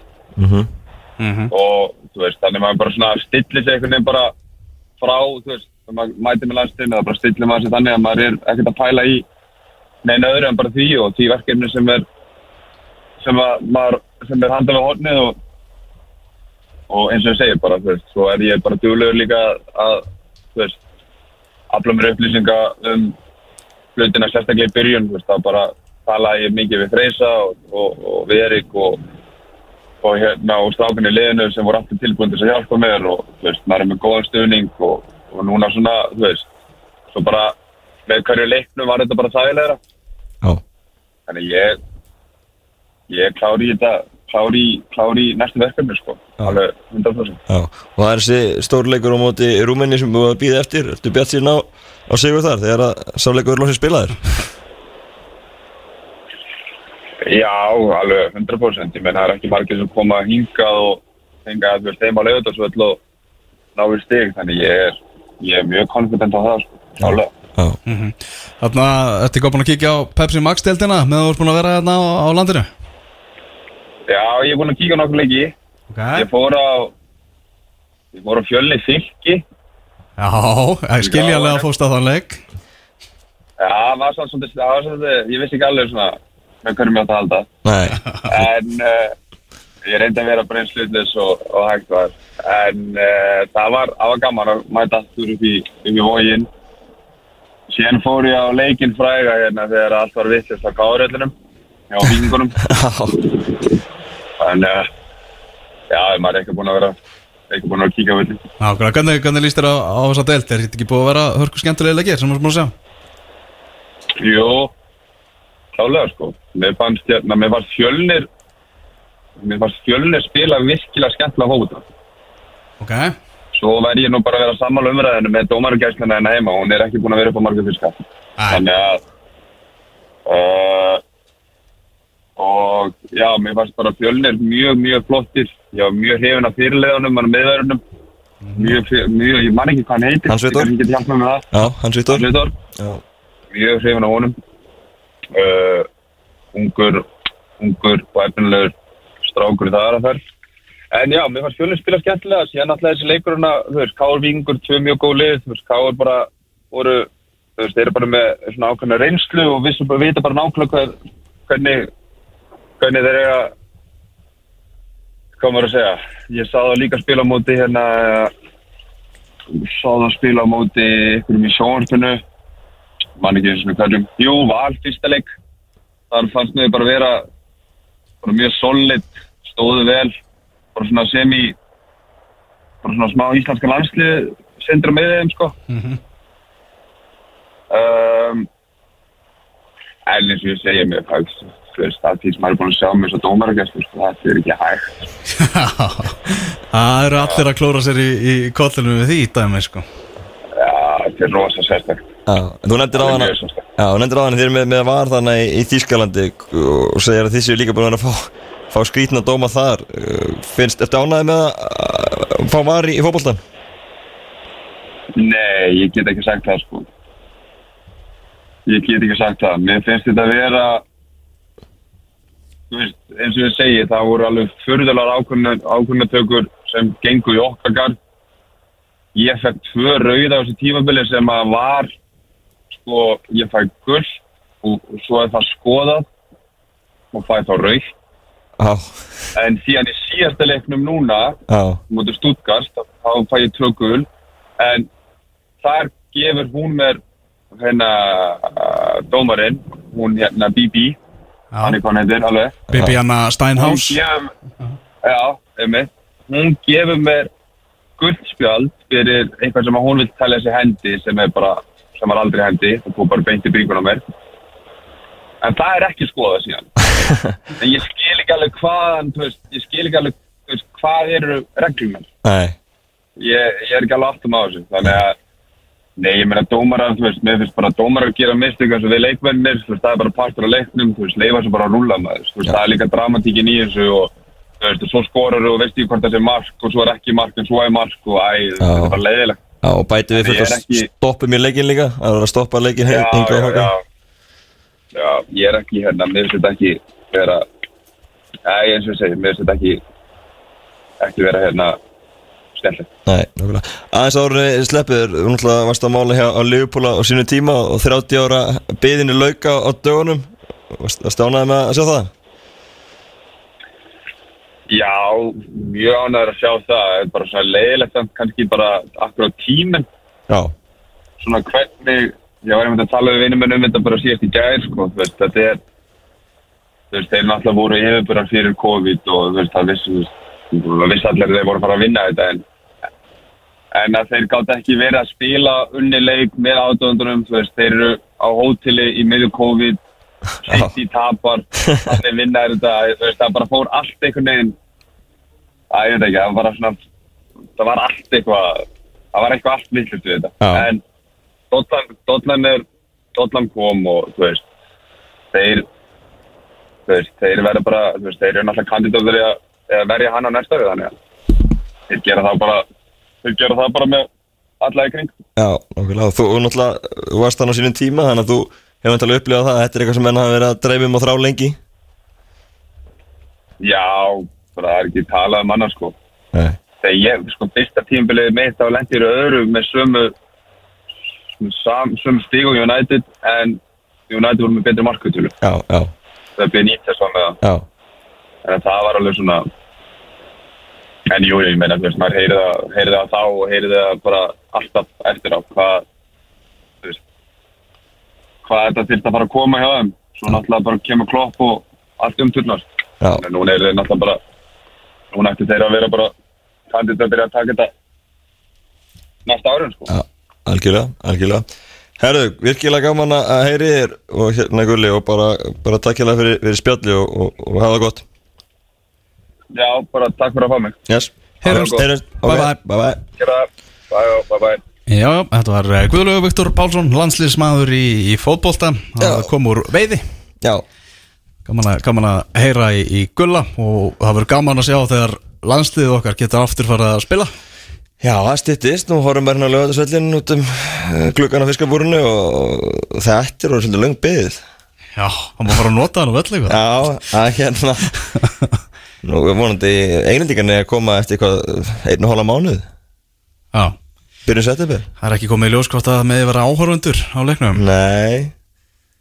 Það er nú súrt að englendingar kemur og það mætti ekki vera áhörundur Það er illa þreytt. ótrúlega fúlt sko. Úf, búin að býða eftir að fá Englandin í einhverju keppni ára raðir og slóðis mætar og það er ekki áhörundur Nei, nei, þeir hljótur nú að geta kiftið ykkur að spotta Já, ég menn þetta hefur gengið vel í, í Pepsi Max deildinni félugin það. gert alveg virkilega vel í að hólfa niður og það er góð mæting á vö- vö- völlin og á vellina og, og stemmingi fín sko. Talandi um Pepsi Max deildina, Valdimar Svavarsson formaður FH, við ætlum að heyri honum hér á eftir. Elva Geir og Magnús Már hér í fiskabúri X977, Tómas Þór að sinna landsbyggðinni. En verður að mættur aftur í bæinn, annað kvöld þegar við tökum upp innkastið eftir sjöndu umferð Pepsi Max deildarinnar, það eru tveir leikir á dagskrá í dag og á greifavellinum á Akureyri, hennum Sívensala er eh, Káa að fara að gefa á móti gróttu. Alltaf, vill greifin láta kenna sig við hennar vörð, þú veist, það er pæling. Uh, svo, þetta er frábær bæling Já, það er er pæling. alltaf hinum með við göttuna, sko. Já, Þannig að það er gott að fara í, í prímatsmíl þar og, og skella sér á völlin en, það en er frekar, það er talsvist meiri gæði í greifanum heldur en í greifa vellinum sko. sammála því. Og svo er það náttúrulega fjölnir FA á ekstra vellinum í Gravarvogi þar sem að Lógi Ólafs og Eiður Smári eru mættir, þetta var rosaleg vika í þjálfaramálum, Maggi. Já, heldur betur, það er hérna Þetta var bara að fóra eitthvað skreiða af staðana og, og bara þýlinga fréttir hingað og þangað og, og maður er við spenntur að sjá uh, endur komið loga í boltan og svo þetta er fyrsta þjálfarastarfað Ísmára á Íslandi. Að hérna sjá, sjá hann í ellinu og þetta verður ríkilega spennandi. Já, algjörlega. Uh, Óli Kristjáns náttúrulega horfina á braut. Uh, Fjölnismennir ekki ennþá unni leik í deildinni. Nei, komu nú samt uh, tilbaka eftir þetta uh, vondatapa heimælda mútið gróttu þannig að þeir þá, þá náðu þeir nú stíi fyrir norðan á móti káa þannig að þeir eru ekki búin að leggja árið í bát og, og þetta verður virkilega áhugaverður leikur í, í grái eftir. Algjörlega, ætlum við að fara að heyra í, í formanni F-fóðingan Já, Valdimar Sváðarsson formaður FH staði í ströngu í vikunni verið hérna fundum hingað þangað. Náttúrulega Ólega Kristjánsson fer til Danmörkur og tekur við Esbjörg og, og þeir ráða loga á Eismórinu og þetta gekk hratt fyrir sig Já, það algjörlega var engin, engin óvisa þeir bara voru konurinn með nýja þjálfara leið og Óli fór að róa ró, henni með þannig að þetta var vel gert til þeim Ágælega, Valdimar er á línunni, sæll og blessaður Góðan og blessaðan, drengir.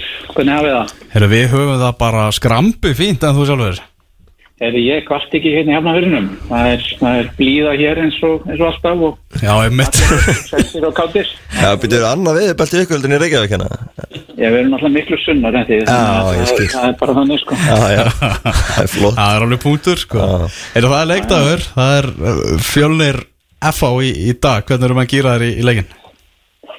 Herðu, ég held að, að eh, það hefur nú bara sjaldan verið meiri eftirvænting og, og spenna.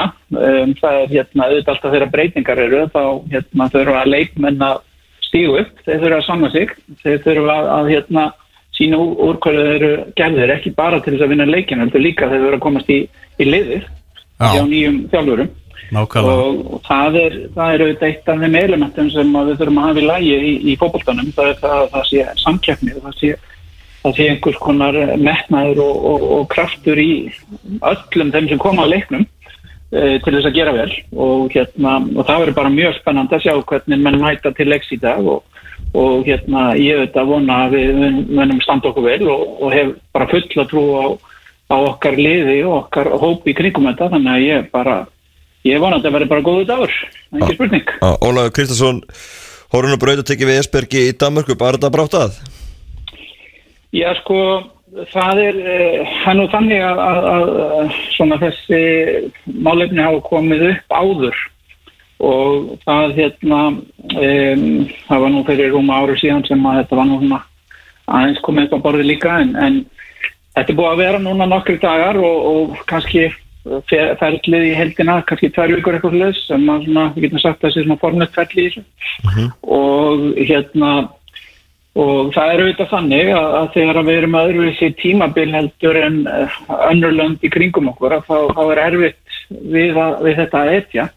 Vegna þess að, að, klálega er það þannig að við tökum bara samanbörðurinn að, þegar að þegar að efnilegir og góði leikmenn fá tilbúð að, utan í spennandi verkefni þá auðvitað gleðjust við öll í liðunum. Ef að þetta eru verkefni sem eru annarkvært samhliða eða upp á við og, og, og, hérna, og, kræfjandi verkefni og, þetta samahátt með, með þjálfara. Við eigum ekkert allt og mikið af þjálfurum út um allan heim en, en hérna en þetta er, finnst mér gæða merki á því sem að menn er að gera. Þetta er þýðir að við erum með flott fólk í þessu og, við erum með, með háan standard af þjálfurinn hérna í Íslandi og okkar bestu þjálfarar hafa sínt að þeir eru alveg hæðir á, á alþjóðlegan mælikvarða.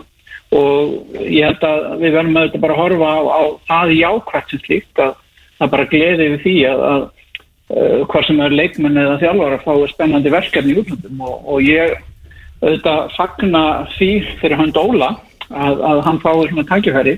Þetta, þetta er mjög krefindi verkefni fyrir hann eh, mjög svo en, en uh, ef að vel gengur þá er þarna gríðlega sterkur, öflugur, flottur klubur sem hefur tækifæri til þess að gera eitthvað gott með.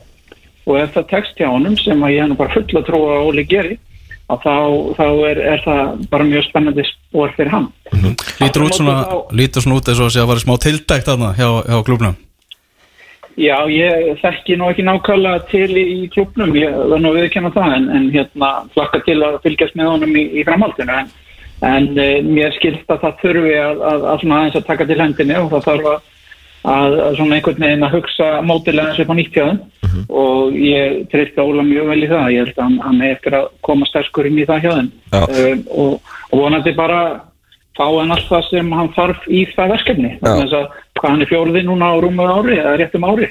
Og það er ekkit eh, það er press á kallinu það er bara þannig. Nákvæmlega. Uh, Lítu þeirra leikmenn fara erlendis sannleirbyndir leikmenn þá vantilega fáið þið eitthvað greiðslu fyrir eða hvernig, hvernig því hjátt að Já, það er nú ekki kannski það er nú ekki kannski stór venja því meður í, í þessum bransa fyrir því.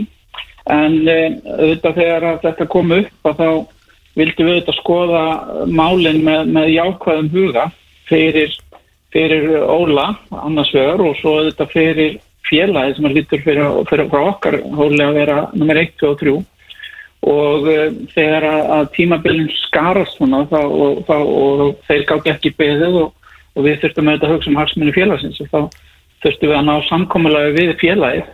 Og það er auðvitað bara samkomulega milli félagsins og okkar en, en hérna ég get alveg staðfist að það er ekki við erum ekki að, að koma út í pluss uh, stóra pluss í svona málum sko og langt frá því sko. En, en við bara horfum á hvernig hagsmunir okkar eru til langt framma og hvernig, hvernig við getum leist þetta og, og, og við ættum mjög gott samstarf við Esbjörg uh, um að leysa þetta og, og taka svona nokkra, nokkra dag og ég er bara svolítið tíma. Og ég er bara stoltur að við náum að klára þetta allt saman. Þannig að allir ætti að geta vera tildulega svona lítið í eigin barm og sagt eða allir reyndu sitt besta og gerði sitt besta og, og niðurstann bara nokkuð góð. Já, nákvæ- nákvæmlega. Þegar ráðið Loga Ólafs og Einsmára saman, voru þeir bara strax eftir að blaði hjá okkur? Já, við vorum með, við vorum með eh, svona leið og við fórum að skoða þetta. Um, eins og ég segi, þetta ber tiltvöla brátt að og við höfum svona vitað að þetta gæti verið í börðalinum í smá tíma að þá er það bara þannig að, að eins og þið þekki að þú, þú færði ekkit þegar að einhver er að spá í að gera þetta hitt þá fyrir við ekkert að sko, tala við alla út um allt og sjá hvort að þessi sé laus og hinlaus. En, en við þetta búum, gerum okkar heimavinu við búum okkur til shortlist hvað hva við teljum að geti leist uh, þetta verkefni fyrir okkur og uh, það er bara alveg rétt að segja það að, að þessi tvö nöfn uh, ekkert endilega til að byrja með í, sem kombo voru bæði á, á þeim shortlista mjög, mjög hratt og hérna og svo bara leitt, leitt eitt af öðru og, og uh, þegar við svona fórum að skoða þetta og okkar fólk fór að skoða þetta þá fannst okkur þetta bara mjög spennandi löst fyrir okkur uh, undir þeim kringustæðin sem voru komin upp. Mm -hmm. Lógi náttúrulega uh, bara er, við, við kallum bara Lóga, hann er bara einn af fjölskyldinni, hann hann er mikið lefðaðingur og, og er mikið, svona hefur verið mikið í kringu félagi gegnum tíðina og góð vinnur okkar.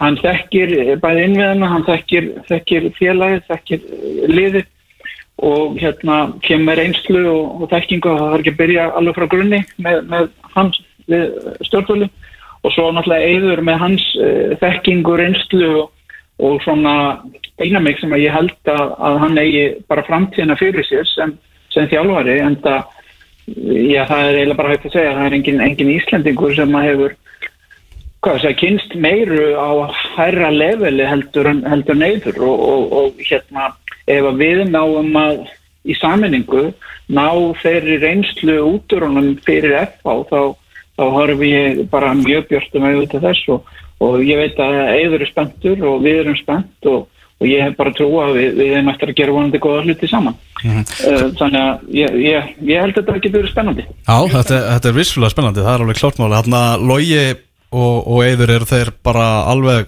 sam aðalþjálfarar eða er logi headcoach og og Eður Smári hann svona aðstofamadur í, í stóru hlutverki? Við lítum fyrst og fremst á það bara sem teimi, það er bara þannig og, hvernig þeir kjósa á einhverjum punkti að skilgjara um sig, það er, er í samlingunum eru bara báðir stjálfarar sem slíkir en, en hérna eh, kannski logi ef eitthvað er, er, er þetta ekki þannig að Eður er kurtis og hann er svona lefur uh, reynsluna aðeins að vera örlíti framar ef, ef þetta til einhvers kemur en við lítum á það bara sem teimi mm. og, og stærst teimi og, og hérna þeir, þeir vinna úr því sjálfur hvernig þeir uh, leysa sína milli okkur skiptur ekki máli hvor er, er aðal eða eitthvað sluðis við, við teljum að þetta kombo getur bara að virka mjög vel saman og það er eina sem skiptir máli mm -hmm. Var ekkert erfitt að sannfara að loga um að draga fram þjálfaramöppuna aftur? Já, uh, Lógi er bara svo skinsamur og, og, og góður maður að hérna, hann bara veit hvenar hans krafta er, er þörf og, og hérna, hann sá strax bæði tækifæri í þessu fyrir félagi og fyrir sig og það, það þurfti kannski ekkert svakalega mikla samfæringar í, í því sem slíku en, en um, uh, svo er þetta líka bara þetta hvernig mann líta verkefnið, hvernig veist, þeir sem teimi, það er spennandi fyrir, fyrir báða að vinna, vinna saman. Og svo líka vil ég, vil ég segja það og ég er bara mjög stoltur af því að, að þeir skulu líka meðal að segja það í, í, hérna, í viðtölum að, að eila báðir að þeir hefðu valla svarin einum öðrum liðum heldum okkur og, og mér finnst það ásala bara spennandi og gott fyrir félagið. Það er það sem að fyrir okkur sem stjórnum félaginu skiptir mestu máli að félagið sé gott, fólk vilji koma til okkar, vilji vera með okkur við erum með, hérna þeir hafa talað um að við erum með góðan, góðan hóp, við erum með góða aðstöð, við erum með góðan grunn og góða umgjörð. Eh, það er, það er verið gert mikið fyrir félagið bæði til skamstíma og, lang, og langstíma í mjög mörgu, allir aðstöð umgjörð og þess að og, og, og það er þetta bara mjög spennandi að nefn líka á það sem kostar komið til félagsins undir þeim kringurstæðum og hérna og uh, leikmannahópurinn mjög spenntur uh, uh, þeir þurfa að sanna sig fyrir nýjum þjálfurum og við erum með góðan leikmannahóp og, og hérna sem við erum alltaf með þróum við höfum þróað mjög mikið núna á síðustu mánuðum og hérna það er bara eitthvað sem er alltaf í gangi hjá okkur. Og svo bara hérna hópurinn, umgjörðin þjálfarinn það er, það er þessar aðeila að, að gera þetta þannig að við náum úrslutum og árangri Já, og það er það sem við viljum í krigan okkur stutti að félagsgættarleikin opni á, á nýja leik. Emil Hattisson var nátt til að ganga til þessu ykkur í júni eru líkur á því að hann gangi til þessu núna í ágúst? Já, það er ekkit útlökað í einu en einu.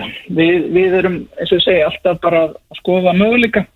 Um, Emil, uh, hérna, til dælu ný, búin að fá að vita svona hvernig, hvernig hvernig, hvernig leikirnir urðu hérna úti og, og hann er bara svona, eftir því sem ég hef nú ekki talað við hann uh, persónulega eftir hann hérna kláraði en, en við við uh, Emil hefur þjálfað með okkur og er mikill erfangur og, og, og við munum þetta tala saman þegar á, á einhverjum punkti. En uh, hvort að það verður ekki það verður bara komið ljós. En við erum alltaf bara að horfa á hvernig við viljum styrkja okkar lið til framtíðar. Við erum að horfa á liðið í skams, skamtíma annarsögur og svo erum við líka að horfa á hvernig liðið verðum og segja 22 við erum bara að horfa á hvernig við, við eh, búum til uh, svona pípu af bæði leikmennum, bæði yngri og, og uppöldum og svo öðrum sem við séum potensiali og, og þannig þarf að gera þetta vegna þess að þú, þú bæði byggir ekki lið á, einum degi, þú þarfst að, að búa til hóp og það þarf að vera okkur kemistra í hópnum sem það þarf að virka og, og þetta er bara verkefni sem eh, við erum alltaf að horfa á. Og, og og ég uh, vil nú líka bara hæla því að okkur tekist ágjörlega til eftirfangum að taka svona þess á málum hjá okkur síðustu mánuðina. Og uh, liður í því er bara svona þessi þróuna á bæði leikmannum og, og svona framtíðamálunum hjá okkur. Og þess sem við skipum núna í, í vor hefur komið mjög góða punta inn í það hjá okkur og, og horfið til þess að við, við höldum því og, og það er bara mikil fengur að við höfum bara talenta í kringum okkur sem er að gera góða hluti og við ætlum bara að halda því áfram. Og hérna við erum komni til þess að vera alveru klúpur til, til framtíðar en ekki bara í næsta leik en á sama hátt og þá er næsti leikur eina sem að skipti máli veist, við, við þurfum bara að taka eitt leik í einu við, við getum alveg stilt upp öllum þeim hópum og liðum fram í tíman sem við höfum trú á í dag en en við þurfum að mæta í leikina, við þurfum að hafa hausin í þeim og við þurfum að vinna. Þetta er ekkert mjög flókið. Mm -hmm. en, en, en svona forvinna, hún hlýtur að hjálpa til í því að við, við náum ærangur til lengri tíma. Mm -hmm. Talandu um framtíðar áallanir, náttúrulega Lógi og, og Eður ráðnir út þetta tímabil. Hvernig er, já bara ykkar áallun síðan með, með haustinu? Hver verður þjálfari á, á næsta tímabili? það er nú bara þannig þetta tók, allt, kom allt tildulega fljóttu og, og hérna og það var samkomalag milli aðil að, að, að hugsa ekkert nema fram á haustið núni í byli þetta, þetta verður skríti tímabil þetta verður fram í november eitthvað sem við munum ekki, höfum ekki upplifa áður og, og við, við höfum og þurfum vonandi ekki að upplifa aftur. Þannig að ég er svona ákveðin ágjör af því að, að það komi í allavega einhverjum félögum og kannski öllu félögum svona aðeins í kolla þetta manni tegja svona langt fram á, á höstið í, í, í svona í þessum aðstæðum sem eru í Íslandi en, en við vonum það besta. En við ákvæðum bara að klára þetta núna. Við erum að, vinna framtíðinni og, og, og skoða hana. Um, og, og hérna við hvorki ákveðið það endanlega nýja að hérna séum að gefa eitthvað út um það í ögnarbyggjum þetta er bara uh, allt okkar tröst er á, á, á þessa frábæri menn núna. Og, við ætlum bara að hérna, vinna hvernig það verður hvort þeir verður áfram eða ekki það er líka þetta svolítið undir þeim komið hvað, hvað þeir vilja gera. En hérna við, við ákvæmum það bara yfir ákvæmum að, að, að horfa á þetta bara fram á höstu til að byrja og það voru báðir aðeins mjög sátt við það. Algjörlega, algjörlega. Og hvernig er bara svona að lokum bara svona, já, eru svo stendur hérna með sjö stig en leika hérna inni á, á mörg félög. Hver, er, hver eru markmið F á það sem eftir lifir tímabilsa á þessu svona skrítna, skrítnu tíma? Markmið F er alltaf mjög skýr. Við ætlum okkur bara árangur og við ætlum að vera í toppbaráttu og við ætlum að, vinna tilla um, það er bara þannig. Það hefur ekkert brist um, við teljum okkur hafa flest til þess að, geta gert það. Eh, hérna og við ætlum bara að halda okkur þar áfram. Um, við höfum séð það að þetta tímabil er, er búið að vera mjög skrítið og ég held að við erum ennþá eftir að sjá að það munur verða áfram skrítið. Og hérna og, og þar munum byrja að spila þættir í eins og eins og úthald uh, og annað þess að þar ja, ef, að- ef að tímabilið mun lengjast með þessum hætti. Svo eru bara líka þættir sem að sem að við bara já, það má nú segja það kannski að, eh, bæði við eða einhver öll félun hafi þurft að takast á ímislegt á, á síðustu síðasta árinu. Að allt þetta COVID og óvissin kringu þetta og það er ennþá ákveðna óviss þetta er ennþá í þessu öllu saman. Ég menna það eru COVID-mál er að vestna víða eh, um heiminn. Eh, það er maður vonar ennþá að Evropakeppni verði og maður vonar ennþá að landslið verði en þetta er allt eitthvað sem getur breyst með til til ástutnum fyrir eins og hann síðan þannig að við verum bara taka svolítið eitt leik í einu. Við ætlum okkur að vinna helst allt um að eftir er. Um, hérna og, og, og, og við ætlum, ætlum okkur auðvitað að, krækja í titla. Og það er auðvitað alltaf markmið FH og það er svona mentality sem við höfum haft í félaginu og það mun ekki breytast.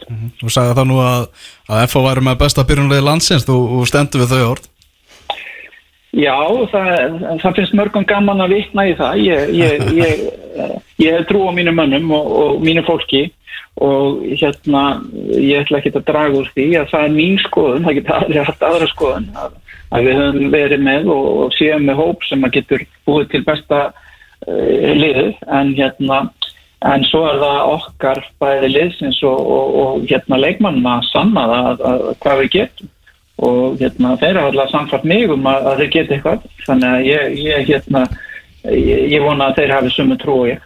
Það er bara þannig. Algjörlega, takk hérlega fyrir þetta Valdimar og, og góða skemmtunni í gráunum í, í dag. Þakkaði fyrir það og, og sumulegis við, við ætlum að, að hérna, fara þarna og, og byrja á, á fyrstu mínútu að leita þessum þrejum stíðum sem eru þarna og, vonandi finnum við að leikunum búin og, förum að þeir heim algjörlega, Það ætla að fara á, á stóra bílnum og, það er rætti algjörlega. Valdimar, takk hérlega fyrir. Bye bye. Takk. Takk, takk sumulegis, bæ Ná, þetta var Valdimar Svávason uh, formaður F-fáinga nú að gerast í þessu þessu fyrir að hljúka hjá okkur Mæja. Já. Það er bara fótbollar líka framöndan í dag nokkur áhugaverðir. Já, það er að byrja núna bara klukkan 2 þá eru hvað tveir lengjudeldar leikir að hefjast. Já, svo meira klukkan fjögur, það er Pepsi og lengi klukkan fjögur og svo er Pepsi magstildin á morgun og þetta heldur allt saman áfram. Já, Veistlan heldur áfram maður. Við ætlum að fara að eh, skipta yfir í 90s helgi á, hér á X977 Uh, Þetta var viðbörðaríkur þáttur fórum yfir alltaf helsta sem er í gangi í íslenska boltanum, Pepsi Max deildinni og lengju deildinni uh, Guðlu Viktor Pálsson, landslismæður í fótbolta var á línunni og Valdimar Svavarsson formaður F-fáinga. Minnum á að innkastið kemur inn sent annað kvöld. Tómas Þór og Ingo Sig verða með mér í, í því og svo verður útastátturinn aftur eftir viku. Og ég lofa þéttum pakka þar. Takk fyrir í dag, verið þið sæl